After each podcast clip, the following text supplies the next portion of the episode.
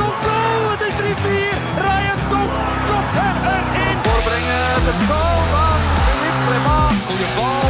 Borkelmans, controle. Schot, Vital Borkelmans, goal voor Club Brugge. Met Vormer. En lang in 1-3. Club Brugge doet het licht hier helemaal uit. Noah Farina, Keulemans, Christiaans tegen de paal en binnen. 10-0. Dag beste luisteraars, welkom bij een nieuwe aflevering van De Klokken, een voetbalpodcast voor en door Club Brugge supporters. De voorlaatste aflevering wellicht vandaag van het eh, seizoen. Eh, we hebben geen special guest van vandaag, maar eh, de volledige De Klokken crew is er weer bij vandaag. Nico, Matthias en Jens. Heren, ik denk dat we er een leuk weekend op hebben zitten. Hè? Nico, jij ook? Zeker weten, het kon niet beter zijn met een overwinning op Union. En we, hebben het, we hadden het al in eigen handen, maar nu staan we toch, eh, hebben we toch een goede horde genomen eh, in de hoop dat we de titel kunnen nemen. Dus ja, mooi vooruitzichten. Ja. Jens, je hebt net als mij eh, ook een beetje al bibberend voor tv gekeken naar de match tegen eh. Eh, Ja, het was, was het ook voor jou een goed weekend? het was eh, niet bibberend van de kou, maar het was het zon- goed, goed zonnetje was gelukkig aanwezig en uiteindelijk de overwinning ook en de daarbij behorende eerste plek. Dus het was eh, inderdaad wel even bibberen, hè, maar we hebben er toch een goed weekend op zitten. Hè. Ja, dat denk ik ook. eh. En eh Matthias, ja, je was zelf aanwezig in het Dudes, in Dudepark, dus je hebt er helemaal een zondag, zondag weekend op zitten. Ik heb heel veel geluk gehad. Ik werd uh, last minute uitgenodigd door een van onze podcastgasten, Alex de Meter. En eh, ja, ik heb heel veel chance gehad, want ik zat daar in de, in, hun- in de ere, eretribune. Is wel neutrale tribune, dus kon mij wel een beetje inhouden. Maar eh, fantastische sfeer en ik ben... eh, ja, ik zie, kijk echt naar uit om, om er straks meer over te zeggen, want eh, het was toch wel een, een unieke match en een unieke beleving, vond ik wel. Absoluut, absoluut. Heel leuke wedstrijd. Nu, ja, de match, eh, de, de, de match, de vraag voor de match was natuurlijk wel een beetje, ja, wie gaat eh Mats Rits vervangen? Want ja, zes maanden geblesseerd, kruisbanden gescheurd. Ehm, we hebben die vraag ook eh, afgelopen week aan onze luisteraars gesteld op Twitter en Instagram. En daar eh, verkoos eigenlijk de meerderheid Hans van Aken op 8 en de Ketelaar op 10. Ehm, voor de wedstrijd dan. Was dat ook eh, jullie voorkeur of niet? Maar qua creativiteit is dat denk ik wel de, Jens, qua creativiteit is denk ik wel de beste keuze natuurlijk. Maar qua stabiliteit denk ik ja, dat we soms ook wel misschien moeten kijken hoe dat de andere ploeg speelt en zich daar wat aan aanpassen ook. Hè. En ik denk dat een beetje dat, dat gebeurd is ook. Ja, ik denk ook voornamelijk dat veel luisteraars, of ja, eh, gewoon de beste elf in, in elftal willen proppen, maar dat is vaak niet altijd de beste Mhm. oplossing, hè, Matthias. Ja, ik vond, ik vond Hans, Charles en, en Balanta op één middenveld, dat was een beetje de, de FIFA-opstelling. Zo heel aanvallend spelen en, en alle goede spelers zo op het, eh, op het wedstrijdblad zetten.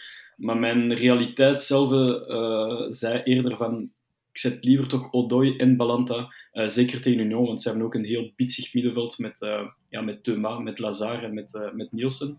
Dus mijn eerste ingeving, zo voor de, allee, net na de blessure van Riets, was eerder Odoi en Balanta voor de verdediging. En dan zet je alle creatieve spelers en zal je ook misschien meer Van Aken kunnen benutten. Want als Van Aken hoger speelt, dan speelt hij vaak ook beter. Dus bij mij Ja. was het direct Odoi Balanta. Ja, een, een derde optie die ook mogelijk was, eh, Nico, was eh, die van Ruud Vormer. Dat was ook de minst populair uit onze poll. Eh, ja, ik denk dat zijn verhaal bij Club nu wel definitief gepasseerd is, hè, of niet? Ja, dat denk ik ook wel. Ik dacht het ervoor eigenlijk al, maar ik denk dat zijn invalbeurt op Anderlecht allicht wel zijn laatste minuten zullen geweest zijn. Misschien, als we al zouden kampioen zijn, dat hij misschien in de thuismatch tegen Anderlecht ook nog misschien, allee, misschien wel minuten krijgt om toch een, een waardig afscheid te krijgen. Maar ik denk wel dat het duidelijk was dat er niet echt toch op hem wordt gerekend. Ja, Jens, het is toch opvallend hè, dat ook eh, supporters nu er ook echt niet meer in geloven. Want allee, als we dan een week teruggaan, we hebben samen ook allemaal de match bekeken hè, bij eh, Matthias thuis tegen Anderlecht. Ja, Vormer was daar eh, niet echt de beste factor. Hè. Nee, en ik denk dat dan een beetje de match is dat ook de romantiek wat heeft weggeslagen. Hè. Ehm, er ging ook zo dat niet twee van romantiek rond Ruud Vormer, zeg maar. Het is eh, ja, jarenlang onze kapitein, en nog steeds onze kapitein eigenlijk. Hè. Toch iemand waar een beetje de anker van onze ploeg was. En eh, ja, ik denk dat die laatste invalbeurt van hem ja, bewezen heeft eigenlijk dat hem het niveau gewoon niet meer aan kan. Ja, Matthias, eh, je hebt, eh, we hebben samen die match bekeken. Je was nogal gefrustreerd op Ruud Vormer. Eh. Ja, gebeurt, eh, gebeurt al vaker de laatste tijd. Maar eh, nee, ik vind dat hij een beetje zijn, zijn eigen legacy eh te neerhaalt eigenlijk. Hè? Want hij heeft ons op de kaart gebracht hè, met Michel Prudhomme en Hans van Aak. Dat waren zo'n beetje de drie tenoren die ons terug stevig op de kaart hebben gebracht in de Jupiler Pro League. En er is te veel gebeurd rond de persoon van Vormer. En ik heb altijd een probleem als een captain zijn eigen persoon voor de club stelt. Dat heeft Simons nooit gedaan. En ik denk geen één kapitein van club die ik, ik persoonlijk uh, gekend heb als supporter. En bij Vormer is het altijd iets uit uh, problemen met Leco, problemen met Clément. Uh, geeft zijn band af. ja, er zijn te veel zaken gebeurd. En puur op het sportieve, want als we echt kijken naar het, misschien naar het objectieve van, van het voetbal zelf, ik vind het te, te gemakkelijk om te zeggen van oké, geen ritme. Voor mij is het gewoon ook ja, de, de, laat ons zeggen, zijn niveau van vorig seizoen vergeleken met dit seizoen is gewoon frappant. Je kan misschien ook iets minder zijn, want je hebt niet veel matchen gespeeld. Maar ja, zijn niveau is echt uh, beneden alle pijl. Dus uh, ik snap voor... En het is ook geen toeval dat en Clement en Schreuder Vormer aan de kant zetten. Dus ja, dat kan gewoon geen toeval zijn. Ja, Nico, dat is heel te waardig aan mij. Dat zeggen we al uh, een paar maanden. Ja, dat zeggen we al een tijdje. Maar gisteren heeft Olivier de Schacht toch nog een ander ballonnetje opgelaten. Ik weet dat je het gelezen hebt. Die had uh, blijkbaar gezegd dat, uh, dat er interesse zou zijn van A-agent voor, uh, voor Vormer. Ja. Maar ik betwijfel toch of dat hij daar zijn Ik dacht te zeggen, het niveau zo te Waregem gaat misschien al iets te hoog zijn voor, voor hem. Maar agent, ja... dat is te bang dan. ja, het, kwam, het kwam van Olivier de Schacht. Um, Eleven commentatoren hebben vaak uh, nog iets stommere opmerkingen. Hè. We hebben ook gehoord tijdens de wedstrijd. Ja. Daarover ja, straks meer. Um, een andere vraag die gesteld werd... Um, was, uh, ja, ook in die we gelanceerd hebben op Twitter, was ja, wie moet er nu in de spits starten? Want dat was ook een beetje... Na dat duel met Anderlecht wouden we starten met de ketelaar en Lang. Het liep niet 100%. Maar Adamjan had je dan direct iets meer die diepte. Dus we vroegen ook aan onze luisteraars van... Ja, wie moeten we nu in de, in de gaan zetten? We hadden uh, Adamjan en uh, Lang. We hadden Adamjan en de ketelaar. Of de ketelaar en Lang gewoon terug laten staan. Um, en daar was het eigenlijk wel vrij nipt. Maar de populairste, als ik hier goed bekijk... Um, op Twitter was lang de ketelaar de populairste en op Instagram lang Adamjan. Dus, uh, maar het was telkens maar met 1 of 2 procent verschil. Ik denk dat dat ook de twee misschien meest logische keuzes waren. Hè? Niet? En ook uiteindelijk degene waar Schreuder voor gekozen heeft. Ja, maar het ligt ook kort bij elkaar. Hè? Ik denk, ik heb het de vorige keer ook al gezegd, in principe, ik denk dat er geen enkele keuze is waarvan dat je zou zeggen van, alleen wat doet hem nu? Ik vind, mm. ze maken alle drie uh, kans om, om, te spelen, elk met hun eigen kwaliteiten. Adam Jan is qua puur talent misschien de minste van de drie, maar dat, is wel zeker een pion waar je toch ook iets aan hebt en die iets anders brengt dan dat lang in de ketelaar bijvoorbeeld brengen. Die diepgang, dat, dat vroeten, dat steuren vooraan. Dus ik vind Adam Jan ook wel altijd een goede keuze eigenlijk.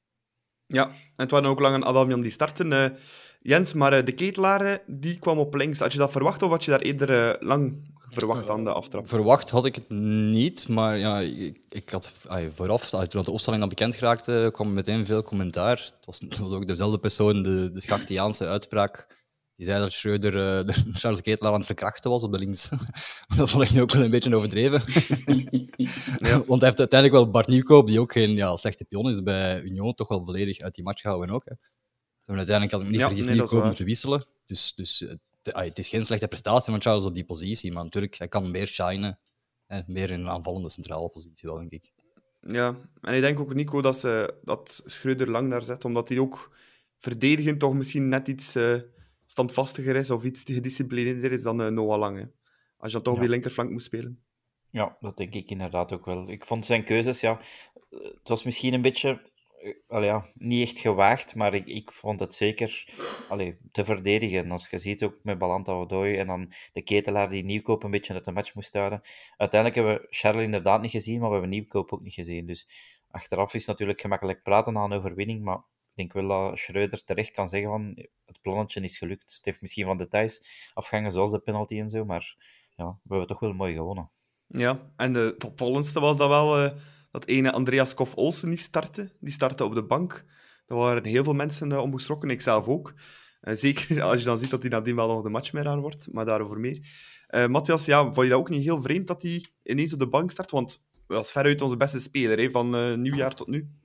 Ik, ik schrok heel hard. Ik dacht meteen aan een blessure of, of dat hij niet 100% fit was. Want dat was voor mij de enige uitleg. Want oké, dat je misschien een keer een, een Noah Lang of een Charles de Ketelaar uh, naast de ploeg zet. Oké, dat kan gebeuren, want er zijn ook bepaalde concurrenten die even goed kunnen doen. Maar Scott is nu ja, sinds twee maanden, denk ik, of zelfs meer, echt veruit onze beste speler. Hij heeft twee keer na elkaar uh, Player of the Month gewonnen.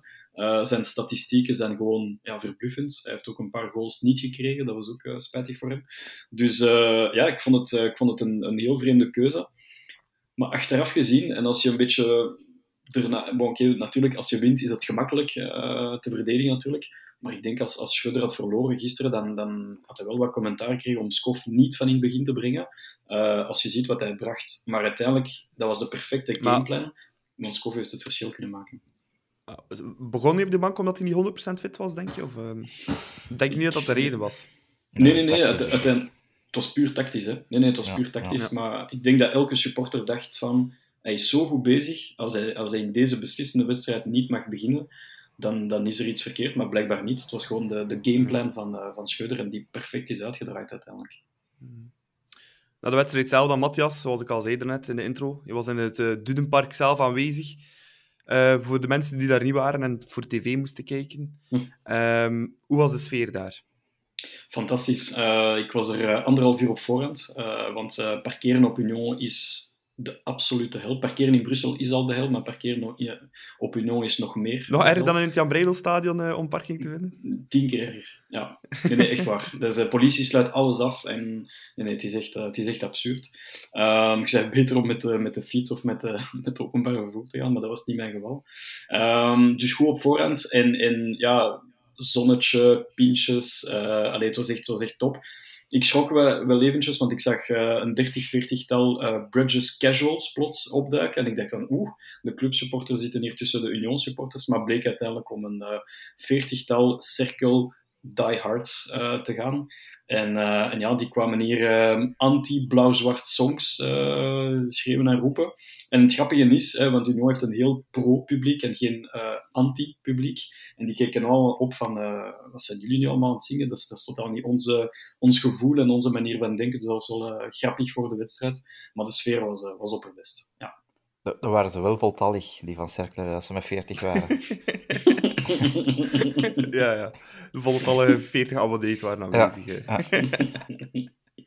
Uh, ja, de match zelf dan. Uh, Union, Jens, ja, die begonnen wel met ja, heel veel lef aan die wedstrijd. Hè. Toch, uh, allee, zonder echt schrik van club. Hè. Typisch, die... typisch Union en uh, Mazu zou ik zeggen, zeker. Ik denk dat ze zo elke topper wel aanvatten. Dus op zich konden we dat wel verwachten. Uh, ik denk dat Schreuder dat ook wel verwacht had. Maar ja, goed, wat, uh, wat doet je er tegen als ze toch komen? Hè? zo, je kunt mm -hmm. wel beginnen opbouwen, maar als je dan de bal ja, kwijtspeelt, wat dat iets te vaak te geval was in het begin, dan was soms een splijtende pas voldoende voor chaos te creëren. Hè? Ja, en het was vooral ook het middenveld hè, dat wat onderlag. Ja, ja, ja. Nico? Of ja, Jens? Uh... Ja, Nico, doe maar.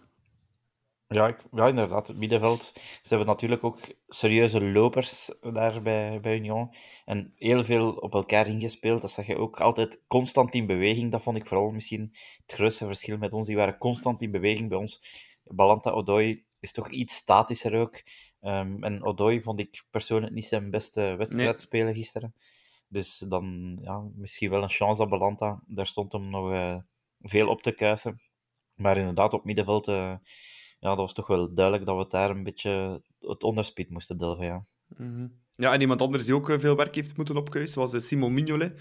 Matthias, uh, die is nu al naar het einde van het seizoen toe terug naar zijn allerbeste vorm aan het, aan het groeien. Hè. Hij zei het zelf in een interview recent. Hij zei dat hij gedurende een twee, drietal maanden echt geblesseerd was, maar dat, dat hij toch bleef trainen en spelen. maar de laatste wedstrijden is hij opnieuw helemaal op niveau. En als je ziet een paar reddingen die hij gisteren ja, allemaal heeft gedaan. Dat was, dat was ja, vooral het, ik vond het, uh, de redding op Thuma was voor mij een typische Mignolet-redding. Zo echt mm -hmm. op, op, twee meter van hem, paf, die reactie hebben. Zijn er weinig die, die het kunnen hem nadoen. Dus uh, nee, nee, Mignolet heeft ons al heel veel uh, geholpen. maar vooral de laatste wedstrijd. Dus ik ben echt blij dat we opnieuw op een, op een top Mignolet kunnen rekenen in deze playoffs. Want je wordt niet enkel kampioen door een paar flitsende spelers vooraan, maar vooral door een, door een superkeeper. En, ja. en dat hebben we nu nodig. Ja. Ja, nogthans, Nico, het was, uh, het was nogthans wel veel zon hè, in het Dudenpark. Dus, uh, Ja, deze keer geen... eh, en nogthans nog altijd geen klaksken aan, hè. Maar eh, Nee, nee, ik denk dat wel zijn... zijn is niet zijn vierde clean sheet op rij? Ik denk eh, Eh, KV Mechelen.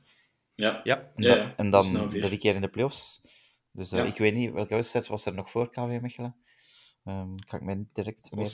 Inbeelden. of Serijn? Nee, dat was, Was dat niet laatste speelde.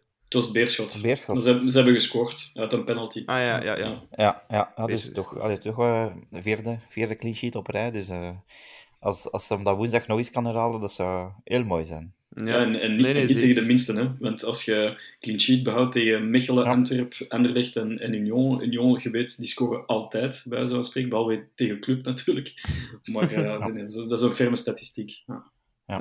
Nee, nee, maar hij was zeker in vorm ook. eh. Ik dacht, allee, we gaan het er straks nog over hebben, over die penalty van Van Zijr, maar Mignolet heeft daar ook wel een beetje... Allee, ja, het zijn ook die bewegingen die het dan nog extra moeilijk maken voor... eh, Ja. ja. psychologisch spelletje. En Van Zijr had de zon in zijn ogen ook, hè. Eh, Oei. Ja, effectief, effectief. Ehm, nu, een ander probleem, allee, iets dat ook niet goed draaide bij Club in de eerste helft, dat waren ook de flanken. Eh, Buchanan en de Ketelaar, ja, die kwamen er ja, vooral aan verdedigend wel een beetje aan te pas, maar aanvallend eh, was het eigenlijk eh, drie keer niks. Hè. Wat lag daar misschien een beetje het grote probleem van Club, eh, Jens, dat ze daar die openingen niet vonden of die combinatie niet konden vinden? Ja, maar dat is natuurlijk ook deel van het, het, het, het, het opvangen van Union. Hè, dat komt. ja, als zij blijven komen, dan kun je moeilijk ook gaan, want ja, dan, dan verlies je volgens mij wel het pleit in dat opzicht. Zeker men, ja. Ik, zeg, ik vond het niet zo slecht dat hem uh, Charles op die flank had gezet, hoor. Ik vond hem daar niet slecht spelen en ik heb de vele kritiek daarvoor van, ah, ook niet goed begrepen daar rond. Uh, dus komt er, kwam er amper uit, ja, oké. Okay. Maar verdedigend stond hem er wel en uh, oh, ik weet niet. Uiteindelijk uh, is, het, uh, is het wel goed gelopen, hè. Nee, dat vind ik ook. Uiteindelijk, ja, op de flanken weinig weggegeven, maar ook ja. weinig gecreëerd. Hè. Dus uh, nee, was inderdaad uh, niet zo simpel. Uh, maar voor 0-0 misschien, aan de rust. Ja, zeg misschien terug te keren op die, op die flanken. Voor mij een, een revelatie gisteren, en dan spreek ik puur, puur op verdedigend vlak. Uh, dat was Buchanan. Oké, okay, ik verwacht meer van Buchanan op, op offensief vlak, maar verdedigend heeft hij echt, ja, hij was, hij was ja. outstanding. Precies een, precies een aanvallende rechtsback. Dus ik moet zeggen dat hij mij echt wel heeft uh, ja, positief verrast. De, de flanken hebben weer ja. hebben andere kwaliteiten laten zien. En ik vind het ook gewoon positief eigenlijk. Ja, ja. Ja want ja. Buchanan was ook tegen Antwerpen bijvoorbeeld ook uh, verdedigend heel sterk. Hè? Herinner je me ook nog uh, in die Het gaat soms wel aan de kosten een beetje van zijn aanvallend spel. Want ik vond dat zijn acties precies meer getelefoneerd waren dan, waren, dan, dan van Ze waren iets doorzichtiger, dus... klopt, ja. Ja, ja doorzichtiger mm, en iets te veel balverlies voor zijn doen. Maar bon, als je natuurlijk, er zijn geen mirakels als je zoveel verdedigend werk hebt verricht. Ja, dat die... gaat een beetje ten koste van de rest natuurlijk. Ja, en die Magida, dat is ook, uh, die is ook niet slecht. Ja. cadeau, hè? Uh, nee, nee, nee, nee, nee. nee. Amai, zeg. Ja, en langs de andere kant nieuwkoop, dus allee, had zij wel van de betere flanken ja. tegen moest spelen. Ja. ja, ook La Poussin trouwens, vond ik ook... Uh... Dat was top, hè? Mhm. Mm -hmm. Voor mij, en, en, en, en, daar ook eigenlijk, ik vind dat hij ook verdedigend heel sterk is voor, uh, allee, voor daar te spelen. Dus dat, ik vond dat wel een, een, een stevig duel tussen die twee, moet ik zeggen. Ja. ja. Um, 0-0 aan de rust. Uh, ik had op dat moment wel het gevoel, als ik hier kan tekenen voor een gelijk spel nu, aan de rust, dan had ik dat wel gedaan, denk ik. Uh, halverwege jullie ook? Mm, ja. Iets minder bij mij. Ik had het gevoel dat Union veel gas had gegeven. En dat gevoel had ik ook in, in juli, toen we 0-1 zijn gaan winnen met, met de goal van Sobol. En ik dacht, oké, okay, nu is het aan ons op de tweede helft om, om ze ja, erop en erover eigenlijk. Want ik, had, ik heb soms heel vaak het gevoel bij Union dat ze alles geven gedurende 50, 60 minuten. En als je dat overleeft, dan kan je wel iets tegenover zetten en misschien op een diefje winnen. Dus ik had het gevoel om een soort van copy-paste te maken van die, van die reguliere wedstrijd op Union. Maar dat tot, toch totaal niet. ik dacht eerder van, uh, my god, hoe gaan wij hier scoren vandaag? Ja, ik ook. Ik, en ook vooral, hoe gaan we er geen tegen krijgen? Ja, uh... ja, ik dacht echt, het gaat, het, we, gaan, allee, we gaan hier rap een goal tegen krijgen, dacht ik. En, en om dan nog terug te komen op Union, ja, ik deel, wordt een lastige. deelde niet dus Matthias een sentiment ook wel voor gelijkspel toen. Dat, ik heb ook het gevoel dat we zouden kunnen opvangen in de eerste helft, en dat we de tweede helft er meer gingen uitkomen. Dus ik deel daar niet wel Matthias zijn gevoel daarin. Uh. Ja. Alleen voor de keer was ik dan de, dus ik had, de negatieve. Dus, ik, ik, ik had ook niet getekend voor een gelijkspel, alleszins. Nee. Ja. Ja, ik, ik wel. Maar bon, in elk geval, tijdens de rust uh, was er nog het een en ander beleven, te beleven, ook op uh, televisie. Uh, ene Gilles de Bilde was hij in zijn micro. Zijn micro stond nog aan tijdens de rust en heeft de, de magische woorden gezegd dat ze de boer maar eens goed op een doos geven. Ja, een beetje pijnlijke uitspraak, hè, Matthias. Maar heeft hij, heeft hij dat nu voorgelezen? Of heeft hij dat gezegd? Wel, dat is, dat is de uitleg nadien van, van Aster. Die heeft op uh, Aster ja. zijn mana heeft op Twitter dan voor hem een beetje in de bres gesprongen. En hij zegt van ja, het was een berichtje ja. dat hij aan het voorlezen was. Maar hij kan niet lezen, Gilles de Wilde, dus dat is al uitgesproken. Allee, daar, daar geloof ik niks van. nee, maar het, het, het, het, het bizarre is wel, um, bijvoorbeeld bij die, bij die, we gaan er straks op terugkomen, maar bij de tackle van Mechelen op, op, um, op Lazare zei hij wel direct van, dit is nooit een penalty. En als Van Zijr mist, zegt hij direct van oké, okay, gerechtigheid geschiet. En dan denk ik van, ofwel ja. heeft hij zich snel proberen te herpakken, want zo'n commentaar van Gilles de Bilde vond ik wel heel verrassend. Dat hij zo'n beetje... Ja. Nou, het, het scheelde niet veel of hij ging op het einde nog de micro pakken en We Are Bridges. Com compensatiegedrag. niet enkel bij de scheidsrechter. voilà, voilà. Nee, maar uh, allee, ja, ik vind dat er wel op Twitter wel heel hard over wordt gedaan. Allee, ik vind commentatoren en mensen die uh, voor uh, allee, sportjournalisten en dergelijke, ja, die kunnen, die hebben, iedereen heeft wel ergens een beetje zijn voorkeur. Ja. Ik vind dat neutraliteit niet per se heel belangrijk is daarin, maar wel vooral objectiviteit van hetgeen dat je dan ja. effectief Ja. zegt. Dus, Maar- Het was ook geen echte dummeresje. Nee, om, eh, Ik moet toegeven, ik heb het gehoord en allee, als ik eerlijk ben, denk ik ook wel dat het voorgelezen is. Dat hoort een beetje aan zijn ja. intonatie. Ja, maar gewoon omdat Gilles de Billen is, eh, wil ik er toch graag op kappen.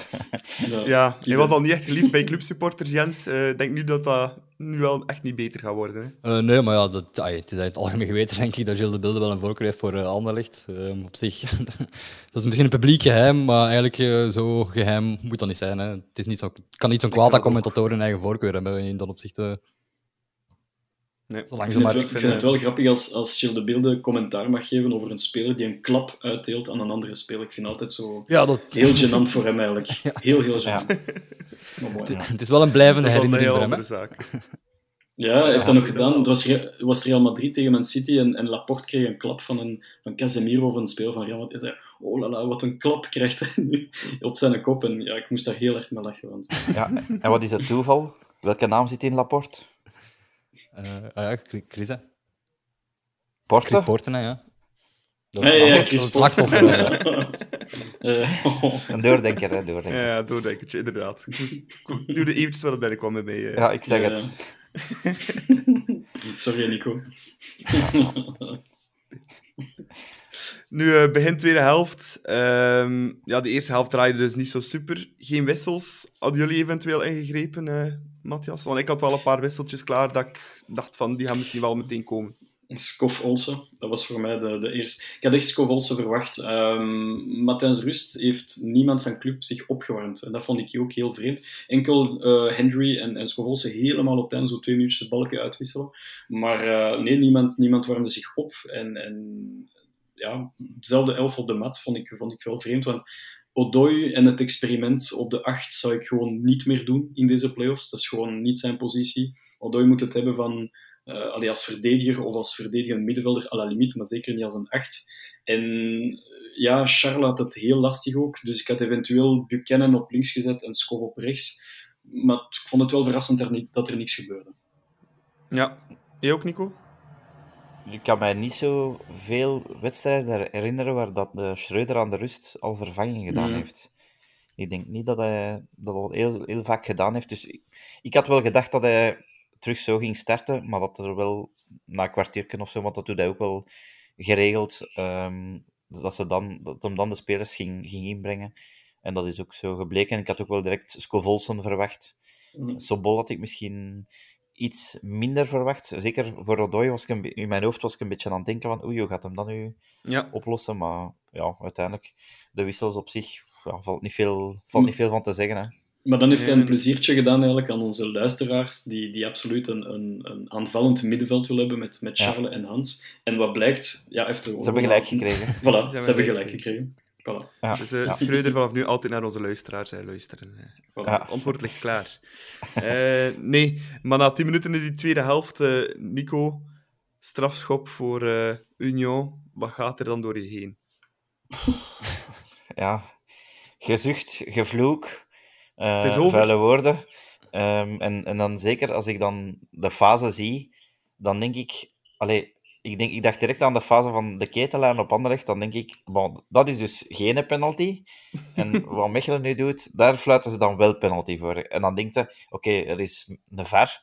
Eh, Gaat hem nu dan wel een keer zijn werk doen? Nee. Eh, Dat, is- dat, zijn dus, allee, dat zijn al twee wedstrijden op rij dat we eigenlijk door een, een penaltyfase genekt worden. Waar dat er eigenlijk, ja, allee, echt in, zwaar in ons nadeel. En ik vond to- totaal, totaal geen penalty van Mechelen. Dat was ook duidelijk. De, zelf, als zelf Gilles de Bille het zei. En Maar- ja, ik, ik- Vo- Vond je dan dat de, dat de VAR moest tussenkomen? Maar dat vind ik dan bijvoorbeeld niet. ja, omdat je weer gaat spreken over die clear error dan. Ja. Maar ik vind clear error, ik vind dan een, een term, allee, pff, dat slaagt op niks, vind ik. Dat is gewoon voor te zeggen, ja, de ref kon het misschien niet goed zien. Nee, het is gewoon wat de VAR ziet. Als, het- als hij het fout beslist heeft, is het fout en dan moet er maar tussenkomen. Of dat er nu een clear error is of niet. Een error is een error, vind ik. Voor mij is het geen Ja. fout van de VAR, het is een fout van Visser. Ik vind dat... Ja, Als- tuurlijk, maar de VAR, de VAR moet er ook tussenkomen. Ja, zeker. Ja, nee, ik, ik vind het ook een fout van Visser. Dus. Maar ik vind niet dat de VAR moet tussenkomen. Jens, wel, jou hebben we nog niet gehoord in het debat. Mij lijkt het wel een clear error, dus ik vind wel dat de VAR moet tussenkomen erin. Ja. Nu, ik denk, Ja? eh, ja, ik denk een tijdje geleden hadden we ook eh, in onze eh, groepchat eh, gezegd van eh, mocht het omgekeerd voorkomen, wat zouden we dan zeggen? Ik denk dat we ook in dit geval zouden zeggen, amai, dat is wel een heel licht toegekende penalty voor... eh, Ja. dus, die- als, Ja. Dus als we de rol zouden Maar- omdraaien, denk ik wel dat we eerlijk genoeg zouden zijn om te zeggen, dit is wel met de nodige geluk toegekend. Ja, want Ja. je ziet ook, ik, vind, ik vond ook dat hem zelf zijn been, zijn linkerbeen, Mhm. zo wat laat hangen tegen, tegen Mechelen. Dus of, om daar penalty te, voor te fluiten. Ja, nee, het is slecht sowieso. Daar, daar ben ik 100% mee akkoord. Maar wat ik wel vind, is een VAR... Allee, dat is een instrument dat je inroept voor iets dat zwart of wit is. En als je dan ook voor zo'n fase de VAR gaat mogen zeggen van ze mogen tussenkomen, ja, dan, ben je de VAR, dan laat je de VAR al regels interpreteren like dat de Nee. scheidsrechter dat moet doen. Maar misschien had, misschien had de VAR kunnen zeggen van kijk, wij twijfelen heel hard. Kunnen jij een keer even komen Misschien kijken? nog een keer gaan kijken of je wel zeker bent dat je het juist gezien hebt. Dat kan ook. Voilà. En, dat kan, en, en het ding is, stel dat Van Zijr die penalty scoort, ik denk niet dat club terugkomt of, of met moeite, eh, ja, dan verlies je twee punten op Anderlecht cadeau hè, door die duw van op Charles de Ketelaar. En dan verlies je drie punten mogelijk op Union door een, door een onterechte penalty. Dus daar ligt het probleem. En ik denk dat we niet enkel over de penaltyfase kunnen discussiëren, maar over heel veel fases in deze wedstrijd. Ik heb soms echt het gevoel, en ik wil zeker geen Calimero uithangen, maar dat de, dat de scheidsrechter resoluut Union als kampioen willen zien. En, en het, eh, het voelt echt zo aan. Dat iedereen gunt het Union, niemand gunt het club. En, eh, en ja, ik vond, het, ik vond het gisteren heel opvallend. Ja. Ik denk als Union supporter dat die het misschien ook wel omgekeerd aanvoelen soms hoor. Dus dat is ook wel onze eigen voorkeur volgens mij. Goh, ik denk dat. Union wel echt de ploeg is. Allee, als Ja, er op één iets is dat ze niet mogen klagen dit jaar, is het wel eh, op scheidsrechterlijke beslissingen, denk ik. Ja, ja, maar als je de ook sociale penalty- media discussies wat naleest, ja, dan zie je toch wel dat, ze, dat zij ook eh, Ja. te klagen hebben natuurlijk. Hè, Ja. Dus, ja. Of denken te klagen hebben, ik Ja. zeg het over woorden dan. De spookpenalty van, van Genk. Ja. dat bijvoorbeeld. En, Allee, zeg. en nog een paar, hè. Eh, Ja, ik denk, en, de, ik- en, de, en, en de puntjes cadeau tegen Antwerpen. Oké, dat is de scheidsrechter eh, misschien niet echt, maar ja, het zijn toch allemaal cadeaus als je ze optelt op het einde van de rit. Misschien zijn we Hmm. wat te, te objectief, ik weet het niet, maar uh, allee, subjectief. Maar uh, ja, bon. Ik vind dat wij niet zoveel cadeaus krijgen. Of, ofwel willen wij dat ons dat in als clubsupporter, maar... eh, Maar het, het probleem is, dat zijn, dat zijn twee beslissingen die, die uitmaken wie kampioen wordt. Ik bedoel, die, die penalty op Charles de Ketelaar, iedereen ziet het. Ja, het- het, enfin, dat moet altijd voor gefloten worden. Of de VAR moet zeggen, oké, ik kom er even op terug. En, en Dante van Zijr gisteren, voor mij was... eh, Dante van Zijr, ik bedoel, Lazare. Mechelen blokt zijn tackle, dus hij, houdt zich net op tijd in. En dan zie je Lazare letterlijk zijn, zijn rechterbeen haken in Mechelen. Nee, sorry, dat is, dat is, dat is een show eigenlijk.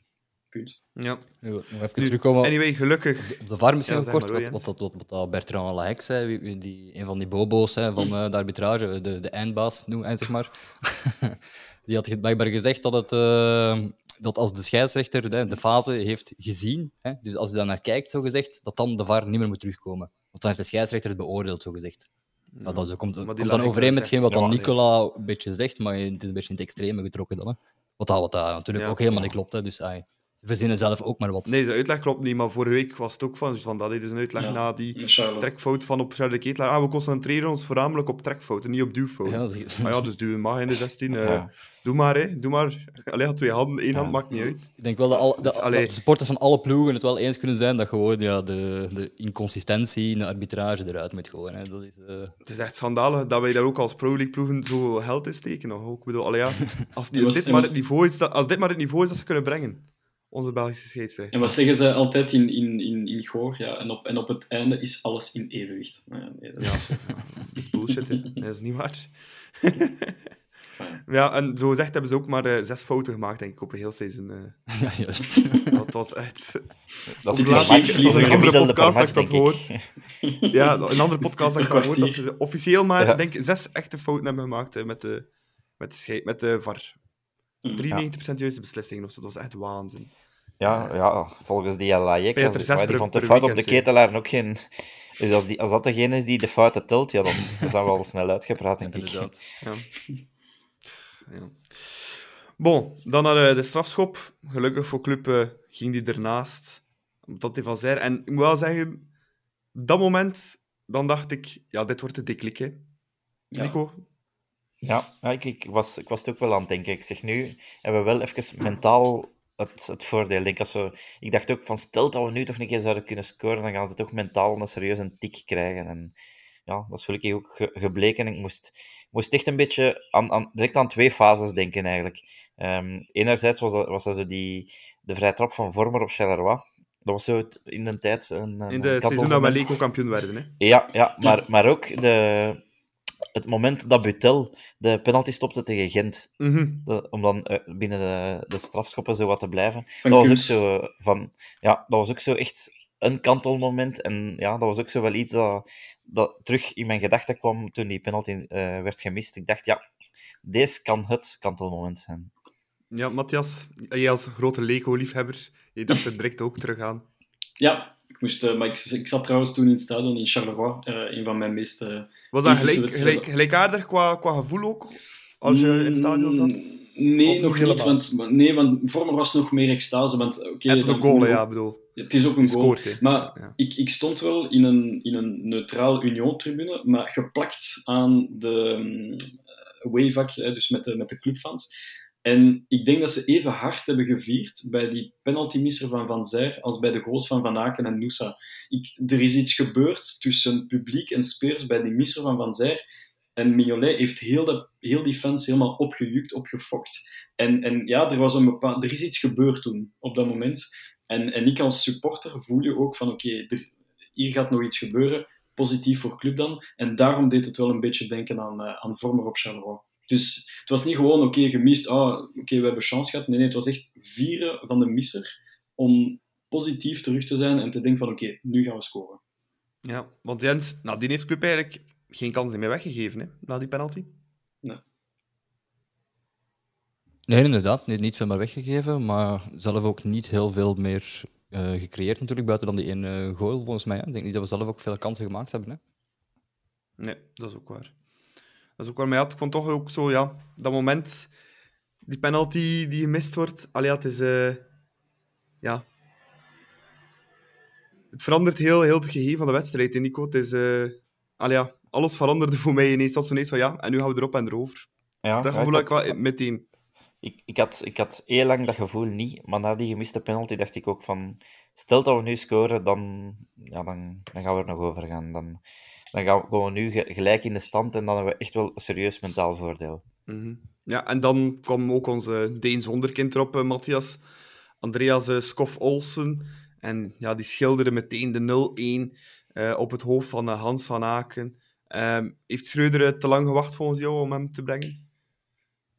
Achteraf gezien niet. Hè. Eh, je, je kan de coach enkel maar gelijk geven als je ziet wat dat. eh, er waren twee opties. Ofwel zet je Skof Olsen van in het begin en dan is hij helemaal leeg, kapot gespeeld na 60, 70 minuten. En misschien zit het dan ook 0-0 of 1-0 voor Union, wie weet. Eh, maar uiteindelijk zijn gameplan ja, bleek uiteindelijk de juiste te zijn. Ehm, Union was, had al heel, heel, heel veel gegeven. En je ziet het trouwens bij die fase van die voorzet op Van Aken niemand staat uh, Scoff Olsen te dekken. En dat vond ik heel frappant. Uh, hij krijgt de bal van, van Buchanan, die een mooie steekpasje geeft aan, aan Scoff. En nog Teuma, nog Machida, nog Lapoussin uh, deed de moeite om echt wel een, een, blok te zetten. En hij kon zomaar vrijheid voorzetten. En dan nog met zijn mindere rechtervoet. Allee, minder rechtervoet. Ja, zoveel minder is hij niet, hè ja, deed een beetje denken aan Perisic. Hè. Als hij rechts-links, dat maakte niet uit. En, uh, en die voorzet was gewoon perfect. Ja, dat is de perfectie ja. Ja, echt... Nico, ja, zeg maar hoor. Het is naar de tweede paal geworpen en weten dat Hans wel, wel naar daar afhaakt en komt. Hè. Het is echt, uh, ja, dan, dan gewoon met zijn rechtervoet, de linksvoetig. Maar uh, ja, gelijk, Matthias zegt, echt niet te zien. Hè. Maar een zeer goede, ja, is zeer goede transfer geweest en in dit opzicht een zeer goede um, wisselen. Perfect.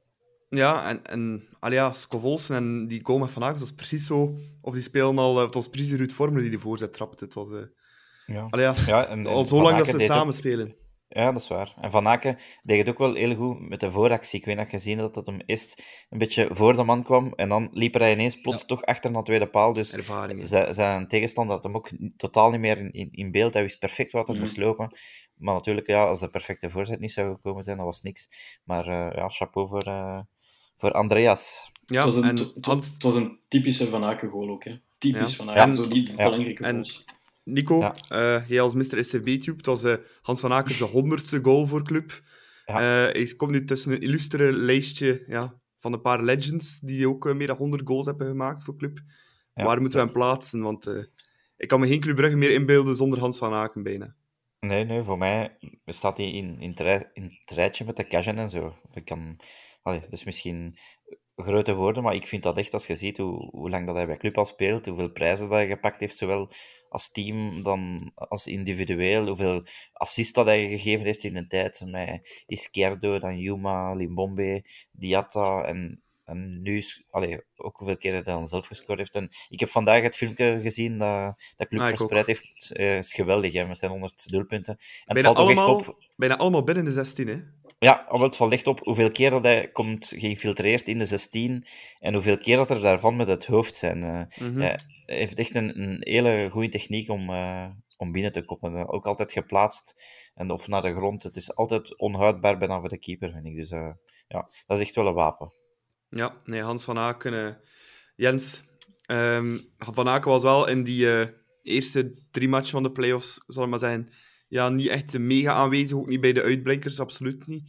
Maar op grote momenten, dat staat hij er toch terug, hè, Hans van Aken. Ja, nu, ik zeg, in de vorige matchen had hem er ook wel mogen staan, dan waren het ook al grote momenten geweest. Maar het klopt inderdaad wel. Ja, dit was al de grootste. dat is het voorlopig het grootste, ja. maar het klopt inderdaad wel, zo kennen we hem ook. Hè. Daar, daarom kunnen we erop bouwen en vertrouwen. Hè. Um, het is dat wat we vroeger een beetje in uh, Ruud Vormer lange tijd gezien hebben, wat dat Ruud Vormer ook was natuurlijk, wat de Hans van Aken al die tijd gebleven is. Hè. Eigenlijk heeft elke generatie een Hans van Aken nodig. En Hans is nu al vele generaties bij ons. Dus dat is bijzonder. Ja, en hopelijk nog vele generaties. Nog maar 29, dus uh, die kan zeker nog een jaar of vier, misschien vijf uh, bij clubvoetballen, denk ik. Uh. Ik, denk dat, uh, ik denk dat hij het iets minder gaat laten hangen dan, dan Vormer. Dat gevoel heb ik gewoon. Dat hij zich meer Ja, maar ik denk dat Van Aken ook op termijn, ook lager op dat veld, wel ook meer zijn mannetje ja, ja. kunnen staan dan dat Vormer dat doet. En ook wat kilometers lopen en zo. Ook realistischer, denk ik. ook net iets beter. Ja, dat denk ik ook. Dat denk ik ook. Nee, en dan uh, ja, na de goal, Nico, ja, dan was het eigenlijk een beetje ja, eh, het spel omgedraaid. Hè. Dan uh, was Club die wat meer inzakte en op de counter ging spelen. En Union die moest komen. En dan merk je toch, dat beginnen, dat beginnen die mannen van Union dat wel heel moeilijk te krijgen. Hè, om tegen een ploeg in een laag blok iets te forceren, want ze hebben niks meer gecreëerd. Hè. Nee, nee, dat is waar. Ze worden gepakt met hun eigen middelen eigenlijk. En je zag toch wat nervositeit ook bij de Union-spelers, vond ik. Eh, ook bij Mazou op, op zijn gezicht was het ook een beetje te lezen van, van allee, kom, we, we willen ervoor gaan, maar we, we, hebben geen ruimte meer. We kunnen ons, ons geliefkoosd spelletje niet meer spelen. Hmm. En ja, ik vond dat club dat heel goed. Hè. Van, van, van achter gewoon alles dicht houden en zelf een keer op de counter te speculeren. Want je, je zag duidelijk dat Union dan, dat niet gewoon is. En ja, dat is ook wel een manier waar je hen op kunt pakken eigenlijk. Ja, Matthias, moeten we hen zo aanpakken ook, Jan Breidel? Want zij moeten komen winnen hè, bij ons uh, woensdag.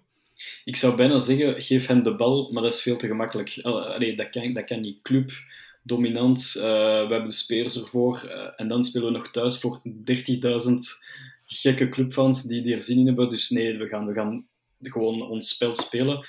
Maar ja, je ziet gewoon dat Union... Ze hebben vier, vijf wedstrijden thuis gespeeld en denk verloren of gelijk gespeeld, waarbij ze bijna geen kans hebben gecreëerd tegen een heel laag blok. En clubs zijn kan je dat wel permitteren. Als je de 0-1 scoort en er blijven nog 20 minuten, oké, dan kan je wel de bal een keer laten aan de tegenstander. Maar op Jan Breidel vanaf minuut 1 de bal geven aan Union en wij laag blok spelen, dat gaan we nooit doen. En dat is ook niet de filosofie van Schreuder, dus dat gaat niet gebeuren. Maar eigenlijk zou het moeten gebeuren, in een ideale wereld -hmm. We gaan straks nog uitgebreid op verder gaan op uh, de terugmatch van de komende woensdag.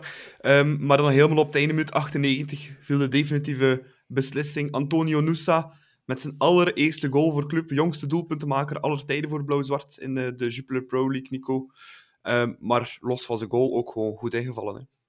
Ja, ja, heel goed ingevallen. Hij bevestigt eigenlijk wat hij bij Club Next al heeft laten zien. Het viel mij ook enorm op hoeveel body hij ja, ineens gekregen ja. heeft.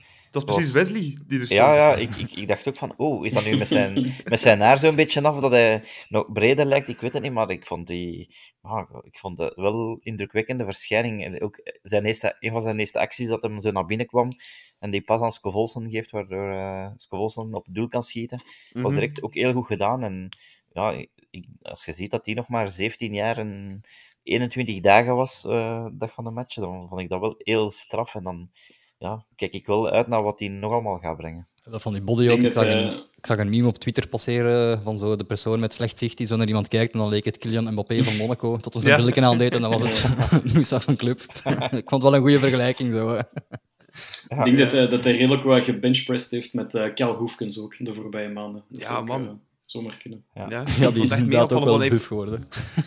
Ja, maar hij heeft, heeft maar een, een, één bekermatch of zo een keer gespeeld bij Club, denk ik. En dan zag, zag je ja, zo'n jong manneke en zo, Ja. dunne beentjes en alles. Maar als je nu zag eh, staan, was, het was een echte En- man hè, op het veld. En, en het feit dat Noah Lang zegt op zijn Instagram the next best, dat wil al wel iets zeggen. Want hij ziet, hij ziet Ja. hem bezig elke dag. Hè. Dus eh, als, hij, als hij het respect heeft van Noah Lang, dan mogen we het beste verhopen, denk ik. Ja. Nu, in diezelfde fase, Nico, ehm, van dat doelpunt, Nielsen die daar als een wilde gek in komt getackeld, geen kaart. Mitoma die Scovolsen eigenlijk neertrekt, laatste man, leeg doel, geen kaart, doelpunt gaat door. En Mitoma had al geel. Het is toch, eh allee kom, bijna voor mee te lachen. hè. En een sokje is dan geschorst voor niks te doen. Ja, Letterlijk, onbegrijpelijk. Weer, weer al zo totaal niet consistent. En als ik dan de uitleg zo'n beetje hoor van ja, maar ja, de ref was aan het kiezen tussen, tussen fout en rood geven of, of, eh, of toch de goal laten goedkeuren. En heeft ze dan goedgekeurd. Dat is Dus- bullshit, hè, ja, ja, bedoel. ja, dat vind ik ook. Dus, dus dan, mag, dan mocht je gewoon, eh, als er iemand een goal maakt, je die gewoon eigenlijk nog een stamp geven, Ja. zo gezegd, want je hebt de goal al goedgekeurd. Allee, dat, dat, dat slaagt op niks. Want- Dat was, die, die tackle van, van, van, van Nielsen vond ik eigenlijk nog erger Waanzin, waanzin. dan die van Mitoma. Ja. Dat was echt op, op kniehoogte. Dus als- Als, Nusa zijn been blijft staan, dan, eh, dan is zijn Ja. carrière misschien al gebaseerd Ja, voordat, hij, dus- voordat begonnen is. Hè? Voor mij onbegrijpelijk dat daar allee, zelfs geen, ge- geen geel wordt gegeven. Dat, ja, de- voor mij is dat minstens één van de twee rood en dan zelfs geen geel. Ja, dat, is, eh, pff, Oh, dat is om te lachen. Ja, wat, wat moet Ja, en ik denk hoe zou zo- dan doen? De, de bal overtrappen voor te zorgen dat de ander rood krijgt of zo. Het is zo. Ja, maar ja, het is dat. Ja. Ik, als hem neer, waarschijnlijk is, is het zo, hè, waarschijnlijk als hem, als hem neervalt en hij, hij, hij rolt een beetje Nijmargewijs over het veld, ja, dan, dan gaat hij misschien nog rood gegeven hebben. Maar, maar er moet eerst weer iemand neervallen en een beetje show Ja, want- verkopen voordat er wordt. Want eigenlijk, als je, als je letter van het wet volgt, dan kun je eigenlijk zelf Mitoma geel geven, dus tweede gele kaart rood, en Nielsen ook gewoon nog rood met een VAR. Ah ja, en dan zijn die er... En dat zou eigenlijk niet meer dan normaal zijn, want... Ah ja. Ja. en dan hebben we nog bij Union ook schorsingen, maar dat is dus totaal niet het geval. hè. Ja, want is, eh, in ja, Sokkie... we, we, hebben, nog- we hebben nog geluk dat Noosa een professionele hordeloper is. Hè, want de manier waarop dat hij over die benen van Nielsen springt. En, en je ziet ook, en dat is een beetje het, het enthousiaste in die jonge gast. Hij wil ervoor gaan. Hè. Hij denkt niet aan tackle rood. Nee, die is daar niet leep genoeg voor, als ik het zo mag zeggen. Hij denkt gewoon aan, ik, ik wil die goal gaan scoren. En dat doet hij ook. Maar eh, ja, Nielsen is gewoon donkerrood, punt aan de lijn. Dus, ja. Ja, en de gele kaart Ja. voor, voor een sokken, ja, dat was duidelijk uh, Matenaar Oenda van het werk. Hè.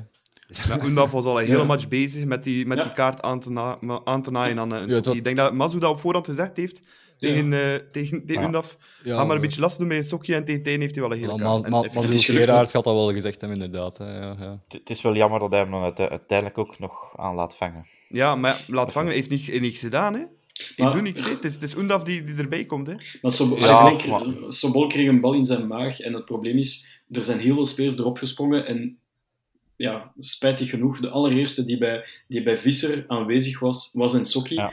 En tweede Oendaf en dan nog Van Aken en een paar anderen. En het probleem is, Visser had al een beetje heel de wedstrijd last van Ensokki en Oendaf, omdat die continu met elkaar bezig waren. Mhm. Het was altijd Oendaf die provoceerde. En hij zei van, weet je wat, het is al de vierde keer dat ik jullie zie, allebei geel. En oké, dat, is- dat dat was een druppel, hè. dat was een druppel. Maar, maar ja. Ja. I- Iets En dat mij- ook opvalt, ja, ja, ja, Jens, in deze, in deze play-offs, allee, vooral de matchen dan tegen club, als je kijkt hoe dat die tegenstanders tegen ons beginnen te spelen, Antwerpen, dat waren eh, een bende beenhouwers. Anderlecht vorige week dubbel zoveel fouten dan, dan dat ze gemiddeld maken. En vandaag Union, dat was allee, ja, Ja. ook weer eh, met mes tussen de tanden en erop en soms een beetje over de schreef. Eh, is dat de manier van club aan te pakken eh, tegenwoordig? Ik, ik weet niet, maar het is ook niet dat, wij het, dat het uitdagend is van ons of zo. Want ik denk nog niet, ik denk dat nou, Nee. Lang gedraagt zijn eigen zeer voorbeeldig de voorbije maanden, moet ik zeggen. Ook gelijk gezegd, een Ja. Sokkie en zo reageerde ook eigenlijk zeer weinig. Dus ik weet ook niet van waar die plotse aandrang komt voor eh, de Brugge-spelers, ai, de clubspelers onderuit te willen maaien. Ja, alleen maar het is toch opvallend, hè, Nico. Ik bedoel, dat poten gespeeld is wel extreem, vind ik. eh, als ik dan Ja. kijk naar die eerste drie matchen van de playoffs. Ja, het is zeker extreem. En, en vooral als je dan na de match eh, de gele kaarten bekijkt, dan zijn die nog meestal in ons, in ons nadeel.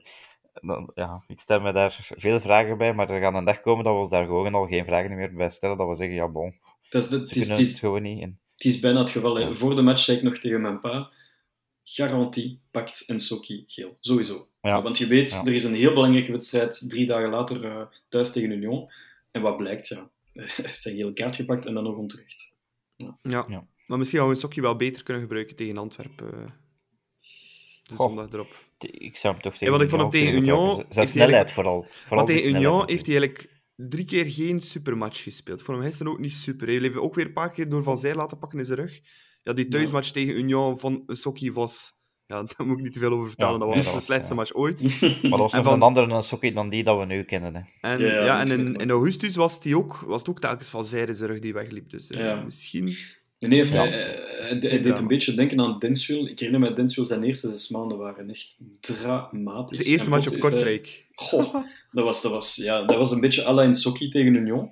En, en plots heeft hij zijn deklik gehad op Kortrijk, in Sokki. Ja. En, en sinds, die, sinds die uitwedstrijd op Kortrijk is hij keer op keer bij de drie beste van heel het veld. En van de hele ploeg. Dus ja, ik weet niet, er is iets mentaal gebeurd. Eh, we zullen het nooit weten, misschien achteraf na het seizoen. Maar, uh, maar in Sokki, eh, als hij zo verder blijft doen, dan gaan we nog niet lang kunnen houden, denk ik. Want dat is wel een profiel, hij is linksvoetig, hij is groot, hij is sterk, hij is technisch ook heel sterk. En dat is een, dat is een snelle verdediger. En dat zijn profielen die, die iedereen wil kopen. Oh, Dat is Ja. voor mij een beetje de, de linksvoetige Kosuna. Ja, ja, net te zeggen. Kusuna was ook rap weg, hè, dus voilà. Ja, Nog iets maar met dat verschil dat een Sokkie... Ja. Een Sokkie ja, maar een Sokkie is wel technisch Ja, ja. verfijnder dan, dan Ja. Dus ik vind wel... Allee, dat zijn wel eh, mannen waar dat je ook nog... Allee, daar gaat ook nog geld aan verdienen. Ja, ja, Mhm. zwaar. Nee, dat denk ik ook. Ehm, wat vonden jullie eigenlijk, of Jens, wat vond je eigenlijk van de, van de tactische keuzes van Schreuder doorheen de wedstrijd? Want het is toch veel geswitcht en gedaan geweest hè, eh, in die tweede helft, met de wissels die erbij Ja, er is het een en het ander rond, ge- ah, rond gezegd geweest en geschreven geweest, maar ik vond het al bij al een positieve aanpak van hem. Ehm, misschien ook wel gemakkelijk gezegd achteraf natuurlijk, dat hem, dat hem een beetje de interviews heeft kunnen praten naar zijn eigen eh, tactische plan natuurlijk, dat hij kan zeggen, kijk, het was zo bedoeld, maar ja, als het zo bedoeld is, is het chapeau, hè, dan eh, heeft het inderdaad gewerkt. Hè. Voor eerst met Charles de Ketelaar, ja, Mhm. Nieuwkoop er een beetje uithalen en daarna wat meer die pressing te beginnen opbouwen. Hè.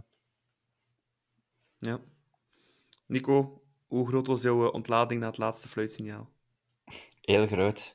Eigenlijk, na de, niet na, speciaal na het laatste fluitsignaal, maar vooral na de 0-2, want dat was voor mij gelijk aan... Nu hebben we zeker gewonnen. Maar ja, het was toch wel een, grote geruststelling dat we, dat we daar gewonnen hebben. En oké, we, we zijn wel nog altijd nergens, dat mogen we zeker niet vergeten. Het is we hebben maar de helft van de matchen gespeeld. Maar ja, nu komen we toch wel dicht. Moesten we woensdag kunnen winnen, dan, eh, dan denk ik wel dat het vrij gebeurd zal zijn. Mhm. Ja, ik moet zeggen, ik zat ook in een eh, cafeetje hier in Brugge te kijken en eh, bij de 0-2 zijn toch enkele glazen gesneuveld. eh. dus eh, excuus aan de café het bater, maar we hebben wel extra fooi gegeven, dus kijk, bij deze, deze gecompenseerd. Dat is wel, dat is wel sympa van jou. Ja. uh, Matthias, ja, jij zat het in het Union-vak, alleen in het Union-stadion. Hoe, hoe, hoe, reageerden de supporters daar eigenlijk? Uh, ja, wel, allee, de was, Union, uh, Unionisten dan? Ik was verrast opnieuw, maar dat is typisch Union. Die waren gewoon aan het vieren en aan het ja, positief, aan het supporteren en, en, en aan het toch, zingen. Toch met, geen teleurstelling? Bij sommigen wel, maar, maar het, over, het, het merendeel was echt aan het, aan het, ja, aan het, gewoon aan het zingen met, met de speers, zoals altijd. Jawel, het was, het was iets rustiger en iets meer, minder uitbundig, maar die blijven positief verder zingen en supporteren, dus uh, dat was wel heel opmerkelijk. En oké, okay, ik zat ook een beetje in, in een uh, familietribune met de, met de spelersvrouwen, et cetera, dus op dat vlak kan je het misschien minder aanvoelen. Maar achteraf, uh, ik heb een, een, paar pintjes gedronken met, met een paar Union, Union-maten van mij. En dat viel allebei al mee. Uh, voor hun is het bijna van, oké, okay, we zitten in play-off 1, het is fantastisch. Maar dan denk ik in mezelf, allez, ik zou zo pist zijn in hun plaats als ik echt een diehard ja, ja, ik ook, ik ook. Ik zou... Pff, want het, is, allez, het, was een cruciale match. Als zij deze winnen, ja, dan waren zij anderhalf been kampioen, sowieso. Dus, uh, en nee, ze blijven zingen, ze blijven positief en oh, pintjes pakken. Na zo'n wedstrijd, ik zou direct naar huis lopen van ik wil niemand meer zien, twee weken, iedereen moet mij met rust laten. Maar bij hun niet. En die gingen zelfs terug in het stadion om opnieuw te zingen met de, met de speers. Dus, dus een heel, heel rare vibe. Een vibe dat je, dat je niet, niet ziet in België, behalve op Union. Ja, want uh, er was blijkbaar ook, na de match heb ik gehoord, uh, verbroederingen zelf tussen de supporters ja. van Club en van Union. Ik, ik stond daar iets over letterlijk, meegeven? ja, ik stond daar letterlijk tussen en, en je zag het, uh, het away-vak van, met vol clubfans zingen in Goor met, met, met de Union-fans We Hate Anderlecht en echt twintig keer na elkaar, repetitief. het was fantastisch. En toen mocht ik mij ook heel uitbundig laten allee, vieren met de, met de clubfans, want we zongen toch hetzelfde. Dus nee, dat was een, een, een fantastisch moment. En blijkbaar zijn ook de, de supportersbussen van Club weggegaan. Um, onder applaus van de, van, van de Union-fans. Dus om maar te zeggen, ze hebben een, een manier van, van ja, supporter die, die heel verschillend zijn met, met, met bijna alle ploegen eigenlijk in België. -hmm. Ja, Jens, wat denk je nu voor Union? Allee, zeven maanden leider geweest. Allee, voor de spelers dan en de staf los van de supporters. Um, zeven maanden leider geweest. En nu ineens op drie speeldagen van het einde ja, je leidersplaats kwijtraken. Ja, dat... Denk je dat ze mentaal, mentaal dat dat... Uh... gaat twee dagen toch wel goed hard aankomen, denk ik. Maar, Niet langer? Ja, dat vrees ik een beetje voor. Eigenlijk het voordeel denk ik, is voor hun dat die match toch wel tamelijk snel komt. Dus dat ze dan ook wat gevoel hebben, we kunnen het ook wel snel rechtzetten misschien. Uh, zij gaan het ook wel meer als een uitdaging zien nu voor bij ons te komen winnen. Nog meer als een uitdaging. Dus ik denk dat we echt wel op ons hoede moeten zijn. Gelijk Nico net zei, het spel is zeker nog niet gespeeld. Ja. En allee, ik moet wel zeggen, als ik dan naar, langs de menselijke kant kijk, Nico, ik heb toch iets wat te doen met Van Zijr. Want allee, als je nu één iemand is dat je nu niet gunt voor de anti-held te zijn, allee, ja, bij Union dan is het wel Van Zijr, denk ik. Hè. Nee, ik heb helemaal niet te doen met Van Zijr. Uh, nee? Ah, ik nee, wel. nee, echt niet. Nee, echt niet. Ik, ik ook niet persoonlijk. Nee, Nee? Dat, kan mij, dat kan mij nu een keer echt niet schelen als die mensen daarvan in de put zitten. Integendeel. ik hoop dat ze allemaal in de put zitten en dat ze woensdag nog meer in de put Voilà. zitten. Dus dat, Ze zijn een beetje slachtoffer geworden, slachtoffer geworden van hun eigen eh, penalty-wiskunde. Hè? Dus dat ze... Ja, ja, eh, nee, dat is waar. Ze hebben een speciale regeling, een beetje democratisch systeem. Ja, om ja, inderdaad. Ja, ja. En blijkbaar was er ook vooraf toch een beetje gedoe dat blijkbaar eh Thomas precies de bal wou, omdat hij dacht dat het zijn beurt was of zo. Dus dat dat misschien toch ook een beetje afleidend geweest kan zijn. Maar bon, ja. Dat is altijd. eh Ja, en Gerards moeilijk en Mazu speculeren, waren hè. alle twee niet aan het kijken. Hè. Ah, oké. ja. ja, zegt, ook, zegt ook al iets. Hè. ja, dat vind ik al gek eigenlijk. Ja, dat toont ik- zo weinig vertrouwen aan. Dat is gek, ja. Ja, wel, het is dat als trainer zou ik altijd kijken, enkel, enkel alleen daarvoor. hè. Dat doet me van, van denken aan John van den Brom zijn penalty spook, want dat Ja, ging die ook altijd. juist, ja. Ah, ja, altijd weg. Ja, die keek ook nooit, dus die ging altijd naast Ja, of, ja. of erover. Of, ja, niet in doel al sinds. Dat was het, dat was het eh, re- recordjaar van Anderlecht toen. Hè. Ze er, ja. ik weet niet hoe, allee, het was echt een percentage van 60 of 70 procent missers. Het was ongelooflijk. En ze, en ze krijgen Ja. veel penalties, hè, dus eh, ja, ik kan Ja. wel tellen. Dan kan je er ook wel iets meer missen, hè, natuurlijk. Hè. Voilà. Ehm, drie ver- wedstrijden ver, Matthias, in de, in de playoffs. Nog geen enkele tegengoal. Toch wel een pluim voor onze defensie, hè, want allee, ja, Ja. En, vier clean sheets ehm, op rij, we zeiden het er net al. Een speler die we nog niet genoemd hebben in, in, deze, in deze aflevering, dat is, eh, dat is Brendan Mechelen. En ik kan zo hard vloeken op die jongen, niet normaal. In, in, ik denk nog aan die match thuis tegen Genk. Ik heb letterlijk drie, vier keer tegen hem gevloekt in, in het stadion. Maar Brennan Mechelen, de drie play-off-wedstrijden die hij gespeeld heeft, de- op defensief vlak, outstanding. Hij kent bijna zijn gelijk niet, puur op defensief vlak. En ik, ik snap de keuze, want heel veel supporters zeggen, oh, Jack Henry, Jack Henry. Maar ik denk dat Jack Henry defensief totaal niet even sterk is als eh, Mechelen. Dus met, een, met, een, met Matta rechts van hem en een Sokkie links van hem, is hij gewoon in zijn sas. En, en dan kan hij puur denken aan verdedigen. En als hij goed verdedigt, dan wordt hij neergehaald door de, door de, door de scheidsrechter. Dus dat is dubbel spijtig. Maar Ja. doet het heel goed. We zijn nu halverwege de playoffs. Ehm hoe hoog schatten jullie de titelkansen van club in? Eh, ik laat jullie er allemaal een percentage op plakken. Ehm, Nico, hoeveel procent kans geef je club om de titel? Op dit moment, 70. 70 procent. Ja, Matthias? en als we woensdag winnen, dan, eh, dan zeg ik 95. Matthias? Ik zeg eh 80%. Jens? Ik zal dan zeggen 60 procent. ik denk eigenlijk eerder 70, maar goed, ik zal dan de negatieve zijn. Eh, ik, maar ik ging Matthias volgen. eh. ik geef ons ook 80 procent kans nu. Veel zal vallen van, van, van woensdag. Hè. Woensdag Ja? zal Ja. Maar, veel duidelijk worden. maar denk, denken jullie dat dat het, het cruciale duel nog zal Als zijn? het geen gelijkspel Ja. is, wel natuurlijk. Ja. Ja. Ja. Dus eh, ik, denk dat we, ik denk dat we een stevige dreun hebben verkocht en dat we gewoon eh, woensdag de, de goede dag moeten bovenhalen en die gewoon afmaken. Punt. Ja. En als dat doen, eh, kampioen op de Bosuil dan volgende week zondag? Of, Ja, eh, thuis, of, thuis tegen, of, of thuis tegen Anderlecht de week daarna? Ik zei, ik van in, ik zei van in het begin bij, bij Plastic Pol dat we kampioen Ja. geworden, dus ik denk dat we nu 6 op 6 gaan halen. Ja, en Ja. dan gaat Nangolan weer een filmpje kunnen maken, want dan gaat de takker weer afgaan, denk ik. Vrees er ook, en niet enkele tak. Supporters, supporters op het veld. Ja.